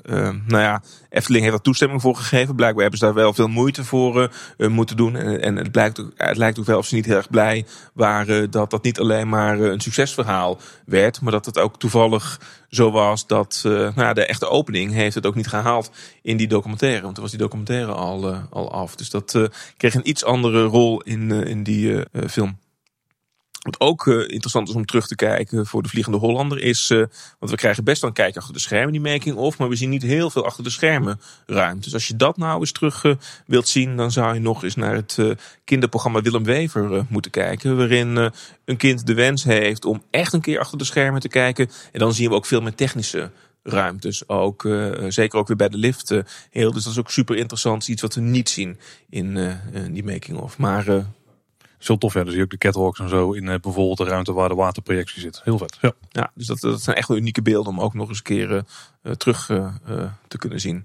Ook al was het misschien achter de schermen nog veel erger, Tim. Er zitten ook hier en daar ook van Olaf wel wat, wat sneertjes in naar, naar vooral de achtbaanbouwer. ja, dat, dat, de, de goede verstaander die haalt er inderdaad misschien al wel wat meer uit van wat is er op dat moment inderdaad afspeelde. Ik vind uh, je ziet wel, dat is vaak zo volgens mij veel met documentaires, maar de plekken waar het niet alleen maar goed gaat, is natuurlijk vaak veel interessanter dan documentaires die alleen maar laten zien wat een goed verhaal is. Hè? Overigens, leuk detail is dat tijdens de bouw de rol van Olaf eigenlijk heel beperkt was. En dat Erik van der Brand uh, vooral uh, de projectdirecteur was die zich uh, dagelijks bezig hield ook met die problemen. maar dan zie je hoe zo'n documentaire eigenlijk toch een heel vertekend beeld kan geven. Ik wil zeggen, en ook in, de, ook in het collectief geheugen. Hè? Want ik denk dat ook, zeker in de, in de fans zien, dat Olaf Vugts heel erg geassocieerd ook wordt hè, met die vliegende Hollander. Dus ja, klopt. Dat is ook wel de kracht van media. Of dat nou soms terecht is ook of, ja. of niet. Klopt. Dan gaan we naar de overbuurman van de Vliegende Hollander. Joris de Draak, daar is ook een making-of van gemaakt in 2010. Zeker. En uh, waar de voorgaande uh, ook op tv uit zijn gezonden, weer door die tros die uh, al zoveel langsgekomen is in deze aflevering, ging deze naar, naar RTL. De making of Joris aan de Draak. we volgen eerst in die film de Pegasus waarvan we afscheid moeten nemen. Daar hebben we wat helmomenten, daar zien we het begin. Maar dan is er maar één oplossing en dat is de komst van die nieuwe houten coaster. Joris en de Draak. Ja, en er valt wel iets op hoor. Dus wat, wat je verzeker ook bij Droom met open ogen, maar ook in de Making of Panda Droom, bij de Vliegende Hollander ziet, is dat heel veel mensen die echt daadwerkelijk aan die attractie meewerkten, dat die daar in, terugkomen. En in Joris en de Draak wordt daar wel een andere keuze in gemaakt. Wat echt wel opvalt ten opzichte ook van de andere uh, producties, is dat we in het begin veel meer managers uh, aan het woord uh, horen. we horen Bart de Boer, voormalige parkdirecteur, helaas afgelopen jaren overleden. Maar ook Fons Jurgens, Koen Bertens, die hebben best wel veel ruimte om, om, om toch te vertellen wat er met die attractie gaat gebeuren. En dat vond ik zelf wel jammer, omdat het niet direct heel veel informatie oplevert voor ons als uh, kijker. En, en de rol bijvoorbeeld van een, een Karel Willemen, die uiteindelijk er ook het ontwerp uh, heeft gedaan van de omgeving, is daardoor wat, wat meer onderbelicht. Um, en, dat is wel het meest interessante, denk ik, omdat het ook heel erg gaat over hoe willen we nou dat thema van het water en vuur zo goed mogelijk laten zien in, uh, in die attractie. En uh, ja, wat is, wat is echt interessant in die documentaire, dat vind ik vooral ook wanneer we bij Great Coasters International gaan kijken. Bij de ontwerper van de baan. En hoe dat daadwerkelijk in de footprint moet passen van hè, waar Joris en de Draak heeft gestaan. Hoeveel ruimte kan, daar dan bij? Hoe hou je rekening met de hoogteverschillen? Hoe komen de banen elkaar tegen onderweg? Dat is prachtig om te zien. Hoe daar aandacht aan uh, uh, aan besteed is in, in de documentaire. En de bouw zelf. Dat is veel interessanter denk ik om, om uh, te zien. Voor mij hadden we toen een van de strengste winters ooit. Op het moment dat die attractie werd gebouwd. Nou, dat was een drama voor het op tijd opleveren van die attractie levert wel weer een heel interessante documentaire op, kan ik je zeggen. Want uh, we zien inderdaad allerlei uh, uh, betonstortingen die dan weer afgezet moesten worden met heel veel zeil, wat verwarmd moest worden. Alles maar om die attractie voor de zomer op tijd af te krijgen. Dat zijn echt wel hele mooie, interessante achter de schermen beelden. Ja, net als bij de Vliegende Hollander had je ook hier in de documentaire een soort ja, uiteenzetting van het verhaal. Ook hier werden de, making-of beelden weer afgewisseld inderdaad met het verhaal van Joris en de Draak. En uh, dat zien we nog steeds terug in de wachtrij op de schermen. Dan worden die elementen uit die making-of weer, uh, weer getoond. Ja. Wat vinden jullie eigenlijk van die, die uh, want dat zien we ook bij de Vliegende Hollander nog terug in een aantal beelden. Wat vinden jullie eigenlijk dat die filmische beelden gebruikt worden in die attracties? Nou, ik denk vooral de uitwerking of de manier waarop ze gebruikt worden, dat die wat, wat jammerlijk is. Want je ziet, ja, je loopt echt gewoon langs dozen waar een tv in zit, zeg maar. Dat is vrij duidelijk. Uh, als we dit wat subtieler hadden kunnen doen, dan had het misschien best kunnen werken. Maar dan denk ik echt op de, de Harry Potter en de Forbidden Journey-achtige wachtrijen methode. Met van die schilderijen die dan toevallig gaan bewegen. Dat past misschien ook niet helemaal bij de attractie. Want ja, de enige magische is daar vooral het wezen wat daarin uh, in, in zit. Zeg maar, er zijn geen tovenaars of iets in die wereld voor zover we weten. Een iets betere uitwerking had het denk ik wat meer gepast. Maar uiteindelijk, ja, het had ook gewoon met velle papier uh, gekund, hè, zoals je er ook een ziet. Maar daar zijn dan, zijn dan de eerste bereiders volgens mij.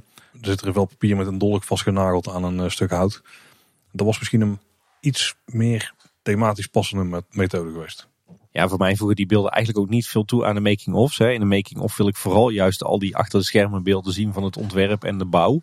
Uh, die fragmenten ertussen die dan het verhaal vertellen ja, dat voelt toch een beetje van, uh, nou, dus op met de haren bijgesleurd. En het is meer voor het, het uh, grote publiek dan uh, voor ons, de, de liefhebbers die toch wel weten hoe het zit met dat verhaal. Maar eigenlijk voor dat laatste doel, dus om dan het verhaal goed in beeld te brengen, daar zijn het dan vaak weer te goedkope producties voor. En dus die kwaliteit is gewoon lang niet altijd heel erg best. Het, het zijn geen professionele films of zo. Ehm, dus in die zin slaat dat voor mij vaak wel de plank mis. Vind het ook een beetje een soort van expliciete storytelling. Hè? Dus je gaat vooral ook dat verhaal nog een keer in die, uh, in, in, in, die wachtrij laten zien. Terwijl volgens mij de attractie eigenlijk zelf het verhaal zou moeten vertellen. Dus het doet ook zo'n afbreuk dat zo'n scherm in één keer inderdaad in die wachtrij dan staat.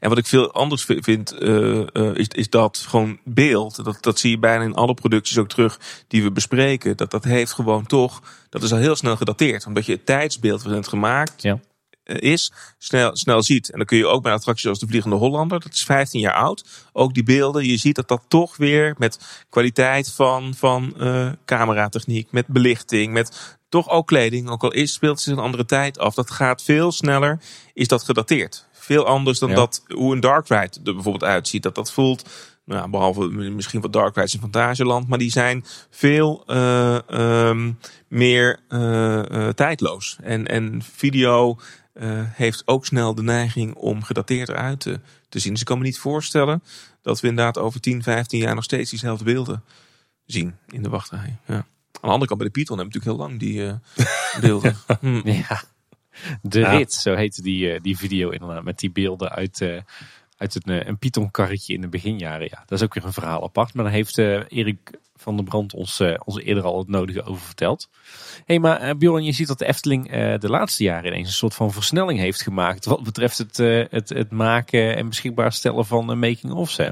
Ja, want die, die making-ofs die we tot nu toe bespraken, die zijn ook vaak met externe producenten geproduceerd. Ze hebben ook allemaal, hè, zijn ze uitgezonden op tv, zijn verkocht ook, hè, vaak op video, dvd uh, in de parken. Uh, maar de, de generatie making-of die daarna komt, uh, die hebben als kenmerk dat ze door de Efteling zelf zijn geproduceerd en eigen beheer zijn uitgebracht. Want ze zijn allemaal rechtstreeks verschenen op het YouTube-kanaal van de Efteling. En ja, dat zijn de afgelopen jaren heel wat mooie uh, making-ofs uh, gegaan. Zegt ook iets volgens mij over hoe snel er ontwikkeld is en uh, wat voor mooie projecten er geweest zijn. Maar de afgelopen jaren hebben we inderdaad Baron 1898, Symbolica, De Zes Zwanen, Max en Moritz en Fabula toch van heel dichtbij kunnen bewonderen in de totstandkoming.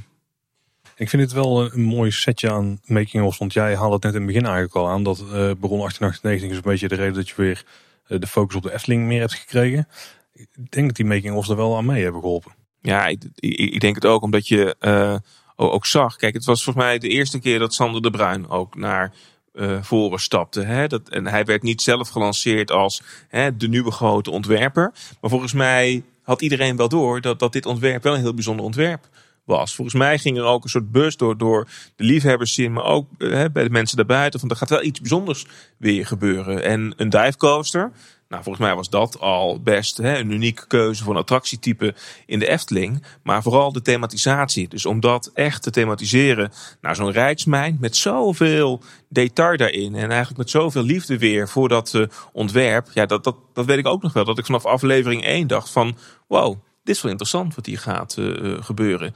En, en Sander de Bruin neemt je inderdaad mee inderdaad ook. Hè, met waarom die attractie. Uh, en heel veel mensen daarom omheen. Ja, we werden een soort hoofdrol. En of het nou inderdaad uh, Henkes is, hè, Henk, Henk is. Ja. Of, of Jacco Ophorst, René Merkelbach over de muziek. Hè. Het, het zijn wel uh, allemaal mensen die betrokken zijn geweest bij al deze projecten. die in, in Defensie, maar ik denk ook daarbuiten, echt een gezicht zijn geworden. En waarbij het prachtig is inderdaad hoe je mee wordt genomen in de ontwikkeling van die projecten. Het doet me bijna denken. Ik vind het bijna de moderne versies in wat we met in Dromen met open ogen 1992 voor het eerst te zien hebben gekregen. Absoluut. Ja, want jij bent hierdoor weer de focus op de Efteling gaan krijgen. Maar ik heb het dus van veel meer mensen gehoord. Hè, dat Baron 1898 echt zo'n moment was van... Uh, vroeger vond ik de Efteling altijd super interessant. Een beetje uit het oog verloren. Want ik ben, weet je wel, andere dingen die worden belangrijk in het leven. Zoals werk en gezin en dat soort dingen. In één keer Baron 1898 wordt gebouwd. Die making-ofs komen uit. En bam, alle focus weer op de Efteling. Ik heb het idee dat, het, dat die attractie, maar ook de manier waarop ze die making-of hebben aangepakt. Want die deed het gewoon echt enorm goed. Enorm goed bekeken. Dat die echt heel erg heeft geholpen in, uh, en in Efteling gewoon nog populairder maken. En ook bij heel veel mensen de liefhebberschap, dat ze dat weer hebben gevonden daardoor. Ja, en ik denk, dat het met een aantal dingen te maken heeft. Voor mij zit het misschien ook een beetje in de generatie waar wij dan opgegroeid zijn. Dus dat dan de focus misschien weer, weer terugkomt in je, in je levensfase. Maar ik denk dat het ook, kijk, we hadden het net over Pandadroom in 2002. Dat, dat was dan minder interessant. De Vliegende Hollander was dan nog heel interessant. Maar tussen 2006 en 2015, ik benoem dat ook toch wel als, als de jaren waarin er best wel veel gebeurde. Maar dat waren toch minder grote of aansprekende projecten, in ieder geval in mijn ogen, die, die je wilde volgen. En, en zeker is Ravelijn ook een indrukwekkend uh, project geweest. Maar dat was voor mijn gevoel toch ook een theater in de Efteling. En ik had toch een ander gevoel bij een theater dan bij een grote nieuwe achtbaan. Ja, in het park. ja Aquanura als show. Kijk, we hadden wel Joris en de Draak, maar dat was natuurlijk een vervanger van een achtbaan, ook een houten. Dus Precies. Weet je wat, dan voelt het misschien voor de meeste mensen ook niet zo als een groot, uh, ja, bijzondere verandering. Maar bij Bron 1898 deden ze echt alles goed. En ook in die documentaire deden ze het heel goed, want ze deden het heel slim. Ze pakten heel veel dingen eruit die wij als liefhebbers, waar wij dan naar uitkijken. Van die onthullingen als, zit er überhaupt een animatronic in bijvoorbeeld. En op een gegeven moment gaan ze daar naar hinten. En dan, dan zit iedereen zit al helemaal klaar van nou, de volgende keer daar. Want volgens mij is het eerste wat je zag was gewoon die pipe. En, een soort teaser was het, hè? Van, ja. maar, maar ook gewoon uh, de achtbaanbouwer is BNM. Nou, de heel veel liefhebbers zegt er iets, maar daar pak ze ook echt op de tijd voor om even aan te geven. Want er is wel echt de, ik weet niet welke vergelijking ze aanhalen, maar de crème de la crème van de achtbaanbouwers, zeg maar. Het dive coaster type wordt uitgelegd en zo hadden ze steeds dingen die wij heel interessant vonden. Het baanverloop werd heel lang naartoe gewerkt. Van waar gaat er nou precies zijn? Dat was ook echt een onthulling, zeg maar, in die documentaire. En zo hebben ze steeds eigenlijk voor iedere aflevering een element gepakt wat dan onthuld kon worden. Waar de liefhebbers echt op zaten te wachten. Waardoor ik denk dat ze stiekem ook best wel veel nieuwe liefhebbers hebben gecreëerd. Zeg maar mensen die, die, die zich ook zijn gaan verdiepen in het jargon en de achtbaanbouwerswereldje. Want weet je wel, de Truus uit Delft die interesseren zich daar helemaal niet, normaal gesproken. Maar daarna zijn ze denk ik ook wel zo gaan verdiepen. Oh, je hebt je hebt Intermin, je hebt VCOMA. Oh, dat is een Nederlands bedrijf, weet je wel. Dat, er ook bij heel veel mensen gewoon het pretparkliefhebberschap balletje is gaan rollen. Heb ik soms vermoeden van. Nou, en je hebt ook gewoon, wat jij noemt, hè, ook al die onderwerpen die, die zij aanhaalden. Eigenlijk zie je datzelfde ritme in die andere documentaires terug. Bedoel, bij Symbolica is het niet het baanverloop, maar daar hebben we dan een aflevering gezien over hè, de voertuigen. Dan gaan we naar EFT-rides om eens te kijken hoe dat gebeurt. Dus er zit een soort van, ik denk dat ze met Baron 890, de making of, daar heel snel een soort van ritme uh, hè, wat ook anders is dan, dan eerst, is dat dit niet in één keer als een compleet setje documentaire werd gepresenteerd. Maar het kwam één keer in de paar weken uit. Dus daarmee kun je ook fantastisch heel lang de spanning uh, opbouwen. Weet je dat mensen toch weer uitkijken naar die volgende onthulling. Zoals jij zegt, en zo worden lang, mensen langzaam maar zeker uh, klaargestoomd. Er zit er iedere keer weer een onderwerp in uh, wat je wil weten. Je bent uiteindelijk toch teleurgesteld als René Merkelbach op een gegeven moment niet in die serie langs komt om te vertellen over de muziek. Sterker nog, bij sommige making-ofs hebben we moeten wachten tot de attractie open was voordat René er iets over mocht gaan vertellen. Oh, heel frustrerend. Ja, ik denk dat het ook wel dankzij het medium komt, hè, YouTube. Ik bedoel, uh, je hoeft nu niet te wachten tot de oplevering van de attractie en dan in één keer een DVD of een videoband in de winkel te smijten. Nee, je kan eigenlijk tijdens het hele bouwproces uh, parallel daaraan een making-of mee laten lopen. En afhankelijk van de fase van het bouwproces maak je een aflevering over een bepaald onderwerp wat daarbij past. Je, je haakt mensen erbij aan. Het, het kost natuurlijk niks om, eh, nou ja, het kost wel veel om die productie te maken, maar het publiceren ervan kost niks. Je pleurt het online en klaar. Uh, je ziet hoeveel mensen er kijken, je ziet hoeveel likes je krijgt, je ziet reacties, er komt discussie los. Je, je kan een makkelijke link maken naar een blog, naar social media. Dus YouTube is natuurlijk als medium wel ontzettend belangrijk uh, voor de, de doorontwikkeling van making-ofs. Ja, en we zagen het net bij het nieuws. Hè, dit zijn die momenten waarop je ook zelf het nieuws kunt maken. Dus we zagen ook echt wel gebeuren dat op het moment dat die making-of over het baanverloop uh, uitkwam, dat werd ook al verder opgepikt. Dus, dus hiermee kun je ook heel erg zelf sturen op hoe je wilt dat er nieuws en informatie over die attractie naar buiten komt. Dat, dat is super fijn om dat te regisseren. Die andere making-ofs die zullen ook best nog wel wat aantrekkelijk zijn die andere making-of zijn ook op tv uitgezonden. Ook met als doel om dan weer hè, kijkers naar die attractie uh, uh, te leiden. Maar is veel indirecter. Want vaak is de attractie dan toch al open. Zit er niet, hè, hier bouwt de spanning op. Dus die attractie is nog niet open. Op een gegeven moment wordt de openingsdatum bekendgemaakt. Ja, dan is het aftellen tot uh, 1 juli 2015. Want dan wil je die eye candy van die grote mooie nieuwe toren in het park. Die wil je met eigen ogen gaan zien. En daar bouwen ze heel slim naartoe. Ja. ja, en een groot voordeel is natuurlijk ook dat je hebt minder tijdslimiet. Hè. Het hoeft niet binnen een half uur te passen. Dus je kan veel meer de diepte in, veel meer over details gaan praten. Veel meer over jargon, dingen die alleen de fans interesseren. Uh, dat zie je ook in al die docu's. Hè. Ja. Wat je wel erg duidelijk zag is dat ze bij Symbolica er wel meer moeite mee hadden om daar heel veel, uh, ja, ik denk eigenlijk gewoon making-of content voor te maken. Probeer ook iets meer aan te kleden met, uh, je punctueel er altijd een rol in had, zeg maar. Maar dat is denk ik ook wel omdat bij een dark ride als je alles al gaat laten zien, dan geef je ook misschien veel te veel weg van wat er uiteindelijk, wat, wat de attractie de attractie maakt, zeg maar. En bij een achtbaan, ja, kijk hoe die baan eruit ziet en wat het baanverloop is, dat zegt natuurlijk niet heel veel van wat jij gaat voelen als je er straks uiteindelijk in zit. Ik denk dat het ook wel makkelijker maakt om die Baron 1898 making-ofs te maken, die volgens mij uiteindelijk ook veel meer afleveringen had dan de andere making-of series. Klopt, maar ik denk dat dat komt omdat een, een achtbaan ook veel meer tot de verbeelding spreekt. Is ook veel zichtbaarder in het park wat er gebeurt.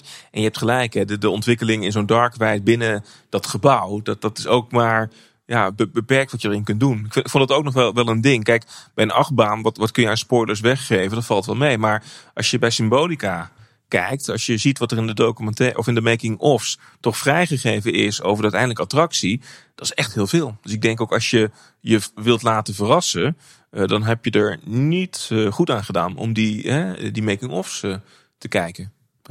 Misschien nog iets wat we moeten aanhalen bij Baron 1898 is, ik denk dat het de ene laatste aflevering van de making-ofs, want dat is de officiële opening.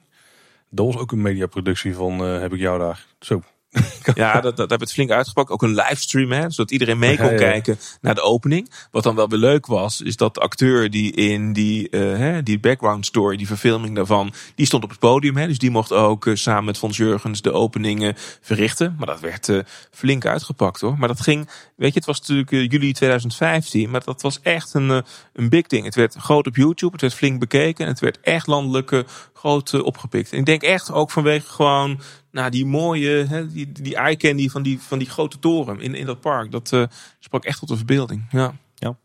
Je had het net al over dat met Baron 1898 hebben ze eigenlijk een nieuwe standaard ontwikkeld voor, uh, voor making-ofs. Maar je ziet wel dat, er, dat, dat iedere making-of wel weer uh, zijn eigen focus heeft. Hè. Bij de Zes Zwanen kwam ineens Marlijn van Weerdenburg om de hoek kijken. Die die juist meer keek naar bijvoorbeeld waar komt het verhaal nou vandaan? Hoe zit dat nou met sprookjes? Hè? Dus daar kwam dat ineens erbij als, als verhaallijn. Ehm, bij Fabula kozen ze ervoor om het bij één korte making-of te houden. Die, die op, op ja, eigenlijk een moment vlak voor de opening volgens mij online werd gezet. En die was heel compact. en bij Max en Moritz kozen ze er juist voor om wel weer terug te gaan naar die klassieke lijn van uh, Baron 1898 en Symbolica. Maar dan misschien wel nog meer op de details in te zoomen. Hè? Want daar zagen we ineens ongewoon veel aandacht voor het lichtontwerp, voor de engineering, voor veiligheidseisen. Echt voor die hele, eigenlijk voor die, voor die extreem specifieke detailistische zaken die je, die je eerder niet gezien had. Dus, ja, maar toch zag je er ook wel in die making-ofs ervoor. Bijvoorbeeld landscaping had bij de Zwanen ook een hele grote rol. En dat trok ze bij Max en Moritz weer mooi door. En dat was een detail waar ze eerder niet op ingingen. Maar je hebt wel gelijk, ja. Het smeden van de lampen, dat was een hele, bijna een losse aflevering. Ja. zeg maar. Maar daar zit denk ik een andere strategie achter. Kijk, wat, wat ze volgens mij ook wel zien, is dat die making-offs iedere keer weer een moment zijn waarop mensen even weer gevestigd worden op die ontwikkeling. En eerlijk gezegd, ik vind dat er voor Max en Moritz volgens mij meer afleveringen gepland waren. Dat, dat- waarvoor nou echt goede content. Hè? Dus daar hebben ze volgens mij ook wel. Op een gegeven moment was het wel heel ver gezocht. En eh, ik kan me ook die aflevering herinneren waarin Robert Jaap dan in het prototype van het achtbaankarretje mo- moest gaan kruipen. Ja, het, het, is relevant, maar het werd wel ontzettend uitgesmeerd en uitgerekt over al die afleveringen. Eh, dus, soms bepaalt volgens mij ook het type attractie volgens mij ook waarom voor die vorm gekozen is. Kijk, de Making of Zes Zwanen, dat, dat zijn minder afleveringen, zijn dat zes afleveringen ook eh, eh, geweest. Maar het is natuurlijk een, een, een, een super mooi project, maar het is natuurlijk een heel klein project. Dus ja, je kunt uiteindelijk over die bootjesmolen die daar door dat slot eh, gaat, daar kun je natuurlijk niet drie afleveringen op opvullen. Dus ik denk dat ze daar heel slim aan hebben gedaan, omdat het ook een sprookjesbos is. Denk ik dat die vorm, om er ook wat meer te vertellen over wat is nou eh, überhaupt die waarde van de sprookjes in de Efteling en dat door een presentatrice te laten vertellen, past denk ik heel erg ook bij het type attractie wat daar gebouwd is. Fabula is eh, toch een vervanging van een film. Een veel betere film dan dat we kenden. eh, maar is uiteindelijk ook gewoon volgens mij een, een, fantastische karakters ontworpen door Jeroen Verheij. Goed geproduceerd door Aardman eh, eh, vervolgens. Dus, dus voor mij leent dat zich ook voor om dat verhaal in een kwartier te vertellen in een wat kortere making-of. Dus je ziet daar ook wel heel erg de, de keuzes in die volgens mij ook passen bij de type ontwikkeling die centraal worden gesteld. Maar wat ze gemeen hebben, en dat, dat vind ik gewoon superleuk, is dat, dat al die bekende Eftelingers, die, die we zo de afgelopen sinds 2015 tot nu hebben kunnen volgen, die zien we steeds terugkomen. En, en, en dat is wel mooi, want daarmee wordt dat volgens mij ook, kijk, in die eerdere making-ofs is het toch heel erg Tom van der Ven. En is het heel erg Lex Lemmens. Een aantal grote helden, hè, volgens mij, in, in de Efteling-wereld. Voor mij was het ook vroeger eh, hè, kleiner van, van schaal. Nu is de, hè, de, de ontwerpafdeling bestaat uit meerdere mensen. Maar het is wel super mooi dat je al die verschillende disciplines, dat vakmanschap, die ideeën, die, die worden bedacht en tot werkelijkheid eh, worden gebracht. Dat je wel die mensen het gezicht geeft in die documentaires. Ja, nou, en ik kan wel bevestigen. Ik hoor van, eh, of ik hoorde van mensen die, eh, die in die tijd werkten, dat het wel zo was van ja, het waren altijd Ton en altijd Lex die altijd maar in beeld kwamen. Terwijl er nog zoveel meer mensen achter zaten die misschien nog wel een belangrijke rol hadden dan, dan Ton Lex. Ja, je kan het je bijna niet voorstellen, maar beeldvorming was heel erg. Het zijn Ton, het zijn eh, Lex en Ruud. Ehm, terwijl nu geven ze een veel, eh, eh, ja, veel realistischer beeld van wie spelen er allemaal mee en wat voor rollen zijn er en hoe belangrijk zijn die rollen. Dus ik denk dat ze daar wel echt flinke stappen in hebben gemaakt. Nou, en ik denk dat, dat je daarmee ook recht doet dat, dat het maken van al die mooie dingen echt een teamprestatie is. Dus dat, dat je ook veel met die team effort die het is, dat je dat terugziet in, in die making-of. Dat is denk ik heel mooi. En dan is het gewoon vaak smullen. Ik bedoel, iedere keer als René Merkelbach toch je weer meeneemt in hoe de Ja. muziek, hè, hoe maak je die passend dan op die attractie. Dat is toch prachtig om, om te zien. Maar het is ook zo krachtig in wat hij vertelt, omdat je ook gewoon weet dat het een van de elementen is die die attractie, die attractie maken. Dat maakt het eh, uiteindelijk zo, eh, zo goed. Ja, en het is natuurlijk ook een sport geworden voor liefhebbers om eh, op de achtergrond van die making-ofs te gaan speuren naar allerlei ontwerpen en schetsen en details die we, eh, die, die we nog niet kennen. En dan maar te gissen van wat is het en waar, komt het, eh, waar is het voor bedoeld, waar komt het terecht? Hebben we ons nog nooit schuldig aan gemaakt. Ik krijg af en toe op de raarste tijdstippen in, in allerlei groeps WhatsApp screenshots doorgestuurd. Die heel erg pixelig zijn van eh, wat zou dit zijn? Sorry, sorry Tim. ja. Ik denk dat er heel bewust over nagedacht wordt, ook voor welk achtergrondje er wordt eh, gefilmd. Dat er ook wel een keuze wordt gemaakt in wat kan wel en wat kan niet. Dat, eh, dat is een beetje de sport, eh, denk ik. Er zijn wel eens wat dingen in die making-of tevoorschijn gekomen die ze naar de rand bijvoorbeeld in drukwerk weer hadden geblurred. Dat is Dus waar, ja. ja, Dat is waar. Ja, dus het is echt voor de oplettende kijker die dat beeldje voor beeldje. Maar ze wisten toch al eh, een bakkerij op het Maxim Moritzplein. Dat was toch al eh, ontdekt, zullen we maar zeggen. ja, die zag er wel anders uit in de originele ontwerpen. Maar ik denk dat we wel kunnen stellen dat de Efteling eh, zeker de afgelopen jaren enorm goed bezig is qua making-ofs, toch? Ja, ik vind, ik vind dit echt. Eh, voor mij past het ook heel erg bij deze tijd. Maar het is slim. Het is namelijk een reeks afleveringen. Het is hele mooie content. Het is content die echt in een serie uitkomt. Waarbij iedere keer die nieuwe aflevering weer wilt zien. Het laat zowel het ontwerpproces zien, de technische kant. Ik vind het een beetje gekunsteld vaak dat we ook altijd een aflevering nog hebben met hele blije bezoekers. Die dan heel enthousiast gaan vertellen over de attractie waar ze net Ja. in zijn geweest. Dat, dat is misschien een beetje het enige wat geforceerd is in, eh, in die hele reeks. Maar verder vind ik dit wel een hele fijne vorm. Dus ik hoop dat we hier de komende jaren nog heel veel van gaan zien. Ja. Ja, en het haakt mensen echt aan. Hè? Ik denk dat je op deze manier echt mensen uh, verbindt met, uh, met die nieuwe attractie. Wat vinden jullie, hoeveel mag je weggeven in zo'n making of wat jullie betreft? Alles. Ja, in principe ben ik het daar wel mee eens hoor. Ik mag, mag wat over betreft voor mij ook alles weggeven. Alleen dan is het wel aan de kijker zelf om daar bewust mee om te gaan. Hoeveel wil je gespoild worden van tevoren? En ik denk dat het bij een achtbaan dus een stuk makkelijker gaat. En ook bij de Baron zaten er nog wel verrassingen in. Of in ieder geval dingen die niet helemaal duidelijk waren voordat je die attractie ging doorlopen. Dus als iets achter, uh, achterhouden, dan heb ik daar geen problemen mee. Uh, maar bij, wat ik bij Symbolica heel erg jammer vond, of daar hebben ze die attractie, hebben ze, nou ze hebben hem, kijk, je kreeg nergens volle scènes of zo te zien. Het was vaak scènes nog een opbouw of zo, dat is dan wel prima. Maar echt de dag voordat die attractie officieel open ging, toen stonden alle uh, ja, POV-video's al online. Dat was wel een beetje jammer. Ik had het mezelf toen al gedaan vanwege de, de abonnementhouder previews. Ja, ik snap wel waarom ze het doen. Want als de Efteling het zelf niet doet, dan doet een of andere ja. YouTuber het met een knaken GoPro en dan schiet het ook niet op. En dan hebben ze nu in ieder geval de regie nog zelf in handen. Maar... Ja, ik, ik zeg wel alles, maar dat is enigszins gekscherend. Kijk, aan de ene kant wil je als liefhebber natuurlijk alles weten van het proces. Uh, aan de andere kant, ik vind het toch ook wel weer tof om een beetje verrast te worden. En ik had toch wel bij Symbolica uh, dat ik me toch wel redelijk verrast voelde na de eerste rit. Omdat ze toch in de making of met name van het, het binnendeel niet al te veel hadden laten zien. Maar ja, dat is een beetje, een beetje die balans. Hè? Ja, aan de ene kant wil je alles weten. En aan de andere kant dat gevoel van vroeger dat je uh, op Witte Donderdag ineens verrast werd met een nieuwe attractie. En je had geen flauw idee wat te verwachten. Uh, en, uh, en je maakte die hele attractie in een soort van extase mee. Ja, dat was toch ook wel een, een heel vet gevoel. Ja, ergens. Het is toch een beetje een spanningsveld. Van welke kant slaat die balans naar door? En dat is natuurlijk wel het nadeel van die moderne making-ofs. Want die krijgen we stukje voor stukje te zien, ook al voordat de attractie opent. Terwijl ze voorheen moesten wachten tot de attractie helemaal klaar was en de mensen in waren geweest. Voordat ze die documentaire konden afronden. Ik zou het nog wel heel mooi vinden om. Uh, want dan zagen we bijvoorbeeld bij Fabula, dat kwam van tevoren een making of. Maar toen wij daar die interviews hielden met uh, vooral die mensen van Aardman, die hadden super veel interessante details over beslissingen die zijn genomen, uh, hoe karakters eruit zagen en zo. En die ook wel wat spoilers waren voor de film overigens. Maar als je dat dan nader alsnog, alsnog een soort toevoeging zou hebben op het geheel wat er al staat. Ik denk dat je dan een heel mooi compleet plaatje hebt. En dan je, doe je het ook op het moment dat je alles mag prijsgeven. Want mensen hebben in principe de mogelijkheid al gehad om erin te gaan, zeg maar. Ja, eens. Het is wel slim om regie te houden. Hoor. Wat jij ook net zegt, Paul. Voor je het weet dan. Je kunt maar beter dan een paar hele goede uh, uh, onrides hebben, hebben staan. Waarvan jij ook als Efteling vindt. Van, dit is ook de manier waarop wij zouden willen dat die attractie gepresenteerd wordt aan het uh, publiek. Dat mensen daarop afgaan. Um, en de gedachte is dan ook dat mensen uiteindelijk dan ook zo nieuwsgierig zijn naar de echte beleving. Om, om te gaan kijken. Bij een achtbaan is dat natuurlijk helemaal makkelijk, want dan ervaar je het pas echt als je erin zit. maar ik had het ook hoor. Ik, ik, ik kon me ook niet inhouden. Dus ik had ook, voordat ik in Symbolica zat, al die beelden en ook die onride wel wel gezien. Maar dat doet, um, vind ik uiteindelijk geen recht wat de echte beleving is. Nee, dus, nee. dus dat is denk ik ook wel de bewuste keuze van wat we laten zien. Dat is dan gelijk heel mooi en dat is goed. Dat is goede content.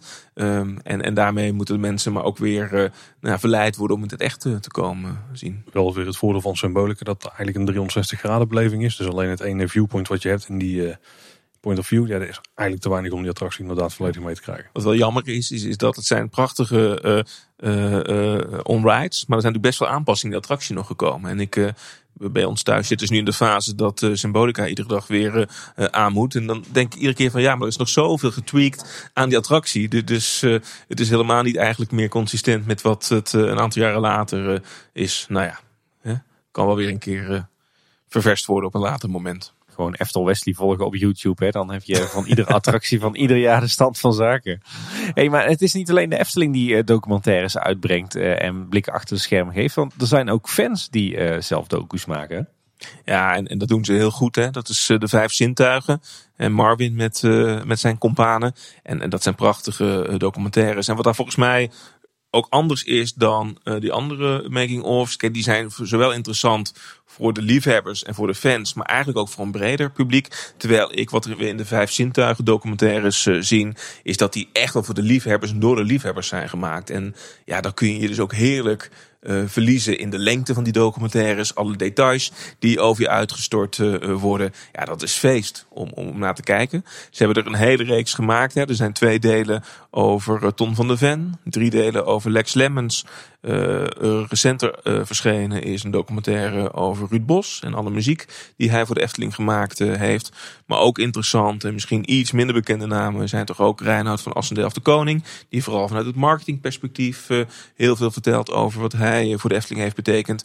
Ruud de Klerk als, als, als parkdirecteur, maar ook over de vermolen molen hè, met de familie Janvier. Een uh, soort van gelukte versie van wat we later in uh, ondertussen de Efteling nog een keer uh, zagen. Ga vooral deze kijken. Maar wat zo goed is hè, aan, aan, deze indrukwekkende race, reeks is echt die mate van detail. Ja, je kunt mij niet blijer krijgen dan Lex Lemmens die op nog hè, de oude uh, breaks van, van de Bob uh, staat en, en een verhaal vertelt van 10 minuten over de wieltjes die vervangen zijn om geluid, hè, om minder geluidsoverlast te creëren. Ja, ik ga daar wel goed op hoor. Ja, en wij kennen de mannen goed. We hebben ook een paar keer een kijkje achter de schermen gegeven bij het maken van zo'n documentaire. Maar vergis je niet, de Efteling heeft een archief. Daar hebben ze dan goed contact mee. Maar hun pluis ook gewoon heel, ja, eigenlijk alle mogelijke bronnen die proberen aan te boren. Die, die schrijven, ja, bijvoorbeeld voor die Ruud Bos documentaire zijn ze gewoon een jaar bezig geweest om één muziekstuk uh, te krijgen. Of en voor een ander muziekstuk. Om daar de rechten voor te krijgen, zodat ze die überhaupt mogen laten horen op YouTube. Dat is echt de moeite die ze erin steken. Dat is echt ongehoord. Voor zeker fanproducties. En als ze dan ook nog zo professioneel in beeld kunnen brengen. En alles klopt daar gewoon aan aan die, uh, aan die documentaires. Echt ja, honderd keer petje af voor wat ze hier uh, steeds neer weten te zetten.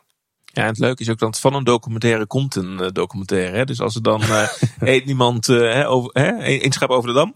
want voor mij begonnen ze inderdaad met, met Lex Lemmens. En voor mij ging het echt letterlijk zo dat nou, die had eenmaal meegedaan. En toen He, kwam Ton en toen kwam Le Dus volgens mij, uh, daar is die hele reeks volgens mij wel uit ontstaan. En ik denk, ze hebben natuurlijk zelf het visitekaartje afgegeven door de kwaliteit van de productie. Ik bedoel, uh, hoe eervol is het ook eigenlijk hè? als iemand je vraagt van, goh, mag ik een documentaire maken over je leven, over het werk wat jij gemaakt uh, hebt? Ik denk dat je geen groter compliment kan eh, kan krijgen. Ik kan me ook echt voorstellen dat het voor de familie van Tom van de Ven ook prachtig is.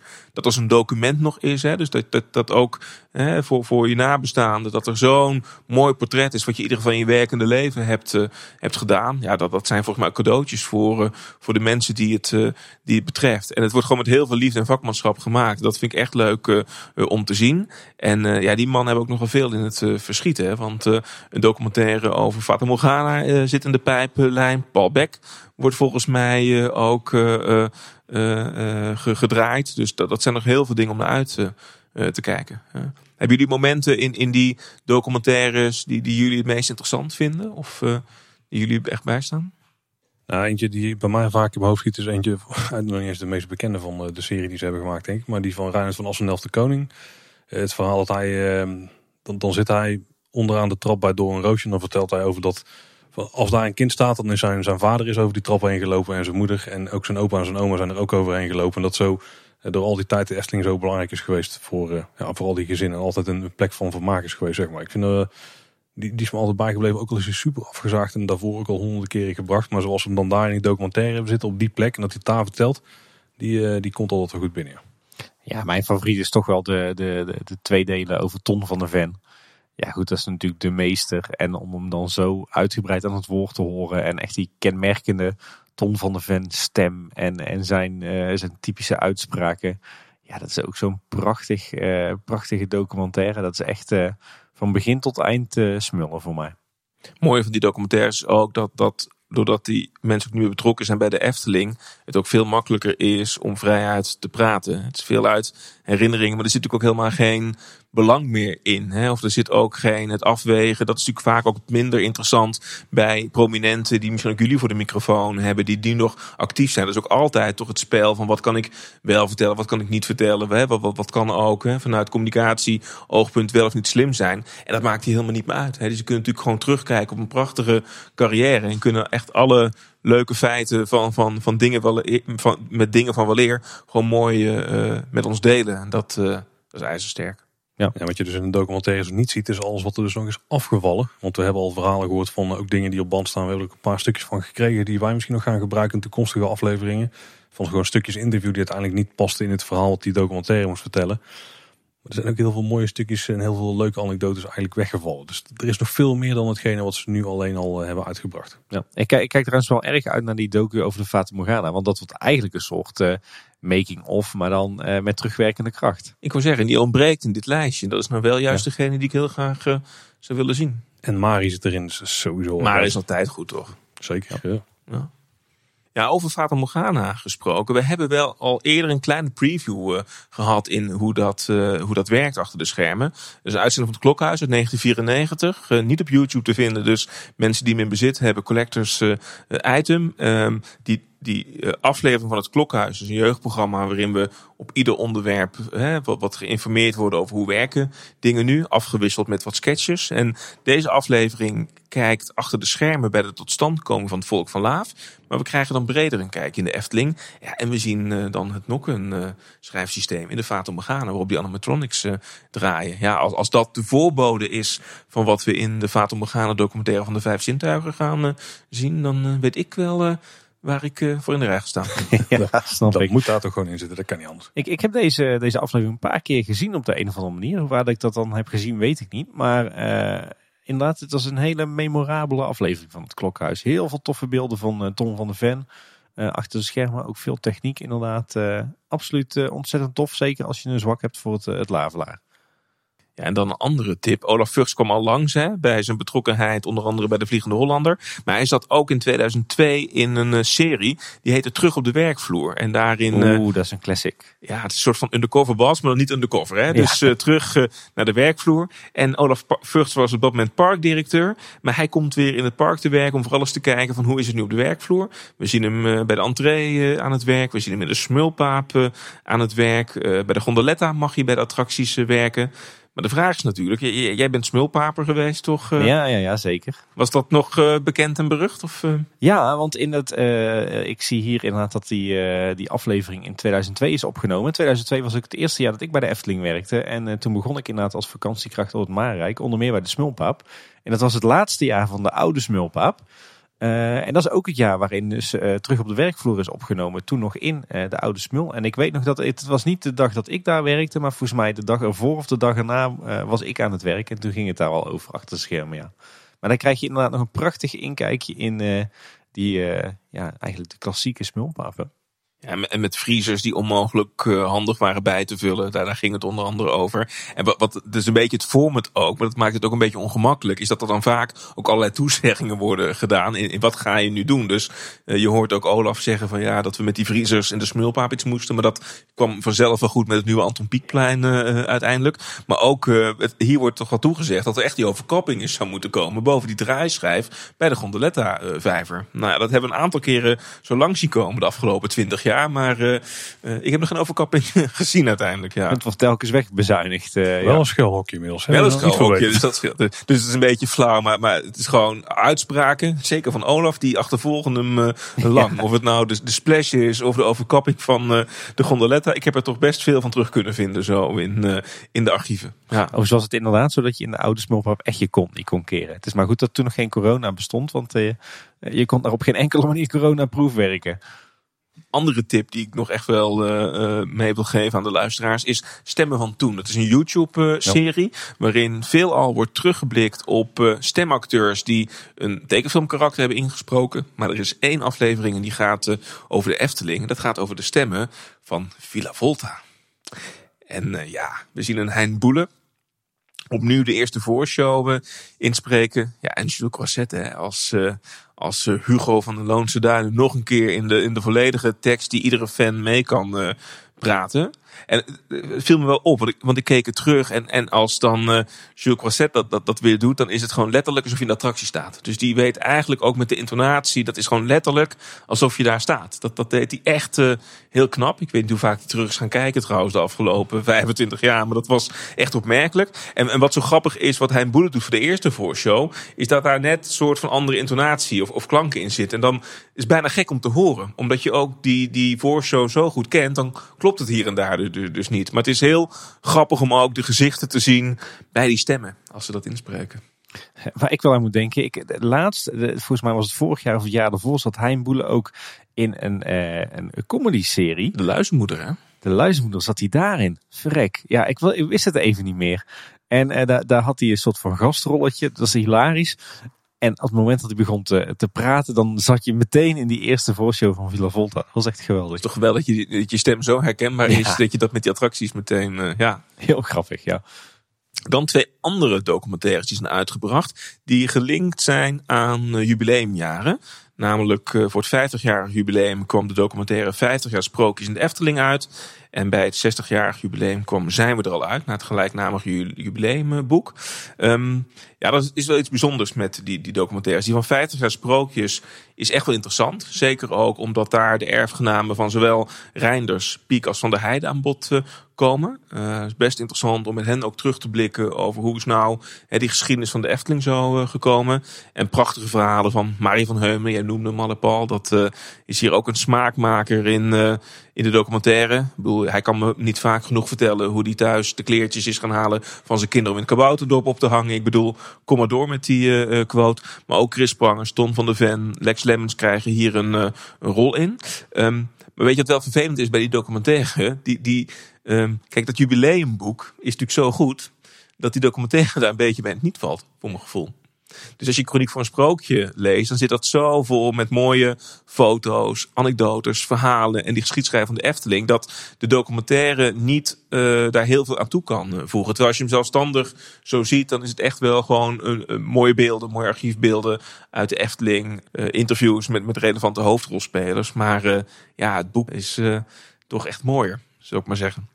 Ja, ik denk dat het ook niet snel gaat lukken om dat jubileumboek te overtreffen. Nee. Waarbij zijn we er al wel, zo is, is dat de documentaire ook wel heel erg lijkt op het boek. Dus, dus waar het boek ook echt een samenraapsel is met, met prachtige beelden uit de Efteling en allerlei prularia, uh, richt die documentaire zich ook niet op de geschiedenis van de Efteling, maar vooral op de beleving van de Efteling. Dus dat betekent dat we vooral heel veel bezoekers horen die herinneringen ophalen aan hun bezoeken van vroeger. Uh, we zagen dat ook in de, tentoonstelling die op dat moment in het Efteling Museum te zien was. Dus, dus uh, mooi gemaakt, mooie herinneringen. Maar ik denk voor mensen die de geschiedenis van de Efteling interessant vinden en meer willen weten over hoe dingen zijn gemaakt uh, en hoe het allemaal zo gekomen is, daarvoor is het wat minder interessant. Nou, en tot slot uh, nog twee documentaires die gaan over Anton Pieck. Hè? Ook zeker als je jullie aflevering hebt gehoord over het Anton Pieck Museum. Dan uh, zijn deze documentaires niet te missen, mocht je dat interessant vonden. De ene heet Anton Pieck, een leven als een sprookje. Die is in 2008 uitgekomen. Maar eerlijk gezegd is dat een soort compilatie van drie andere Anton Pieck documentaires. Maar die, die is heel interessant omdat daar het volgens mij juist niet over de Efteling gaat. Maar daar zie je ook wat in het museum ook zo'n mooie plek heeft. Gewoon alle andere kunst die hij gemaakt uh, heeft, zijn andere werk. Uh, het gaat ook veel meer over zijn leven, zijn jeugd. Uh, sluit heel denk ik erg mooi ook aan bij, bij nou ja, het brede palet wat in het museum te zien is. En de andere documentaire die heet Het leven van Anton Pieck. En die bevat wel meer aandacht ook voor wat hij voor de Efteling heeft gemaakt. Dus daar zie je ook wel hoe de opdracht om het Sprookjesbos te ontwerpen op zijn pad kwam. Hoe hij dat heeft, heeft genegeerd eerst en later daar toch op ingegaan is. En hoe dat langzaam maar zeker ook een groot onderdeel van zijn oeuvre is uh, geworden. Maar uh, als je van Piek houdt, dan moet je deze zeker bekijken. Ja, ja jij zegt 1995, dat was natuurlijk het jaar van eh, de honderdste geboortedag van Piek. En dat werd toen ook rijkelijk gevierd in de Efteling zelf. En ik denk dat deze docu ter gelegenheid van dat, uh, die honderdste geboortedag is uitgebracht. Dat klopt. Nou Bjorn, ik vond het echt super interessant tot nu toe. Maar we zijn er eigenlijk nog lang niet. Maar deze aflevering is wel ten einde. Uh, dit is deel 1 van uh, onze, ons epos is het aan het worden, denk ik, van de Efteling en de media. En deel 2 komt er ook nog aan. En waar gaan we daarbij uh, allemaal bespreken? Ja, dan gaan we vooral kijken naar de periode van Efteling Media. Want wat we nog niet hebben aangestipt is dat de Efteling uiteindelijk er ook voor gekozen heeft om zelf producent te worden van mediaproducties. Nou, daar hebben we echt heel veel leuke dingen. Want ik, nou, Paul, jij kent ze allemaal nog. De gobbenbollen hebben lol. Zo, ja, Marjolein en het geheim van het slaapstand. Ik, ik ga jullie met titels confronteren waarvan jullie zelf niet meer wisten dat ze bestonden. Dus, dus dan gaan we echt een reis maken door alles wat door de Efteling Media is geproduceerd. Maar, maar, ook, maar ook natuurlijk de, de, grote, de grote namen, hè? Sprookjesboom en Jokie. Gaan we ook zeker eh, bespreken.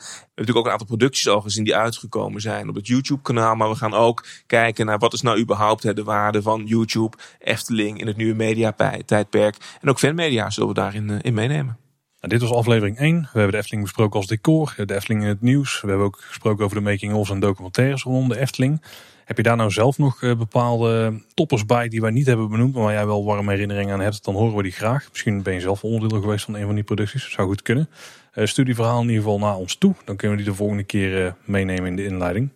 Uh, Bjorn, jij bent media-expert, zeker op het gebied van Efteling. Dat kunnen we nu wel bevestigen, denk ik, na deze aflevering. Want je hebt het ons heel mooi meegenomen. Als mensen nou nog meer willen horen van jou en jouw stem bijvoorbeeld, waar zouden ze dan kunnen zoeken? Nou, dan kun je zoeken naar de podcast Bleef je voor thuis. Daar hoor je allerlei uh, nostalgische tv-herinneringen. Of je luistert uh, op uh, vrijdagen naar Omroep Max op Radio 5. Dan neem ik luisteraars mee in de nieuwste film- en serie-releases. Oh, dus daarvoor kunnen we, moeten we ook bij jou zijn. Dat is goed om te weten. Daar, Natuurlijk. Ja. Dan Bjorn, bij deze hartstikke bedankt. En wil je nou dus die vragen bij ons krijgen waar we net om vroegen? Dat kan op veel verschillende manieren, Tim. Ja, je kan ons bereiken bijvoorbeeld via onze website. Dat is kleineboodschap.com. Daar vind je de afleveringen, daar vind je de show notes. Maar daar vind je ook een contactformulier. En heb je nou een wat langer verhaal, dan kan je ook gewoon mailen naar info.kleineboodschap.com. En op social media, daar zijn we @kboodschap op Twitter. En op Facebook en Instagram kun je ons vinden als Kleine Boodschap. Ja, en verder luister je ons natuurlijk in alle mogelijke podcast-apps en op Spotify. Uh, en luister je ons nou in iTunes, dan uh, zouden we het leuk vinden als je ons uh, een rating geeft of een review. Dat kunnen we altijd zeer waarderen. Ja, en dan rest ons niets anders, Bjorn, dan jou ontzettend te bedanken voor jouw enorme expertise op het gebied van Efteling en media. We hadden het zelf echt niet, niet kunnen doen zonder jouw hulp. En ik kijk nu al uit naar deel 2, waarin we het toch ook over een paar pareltjes gaan hebben.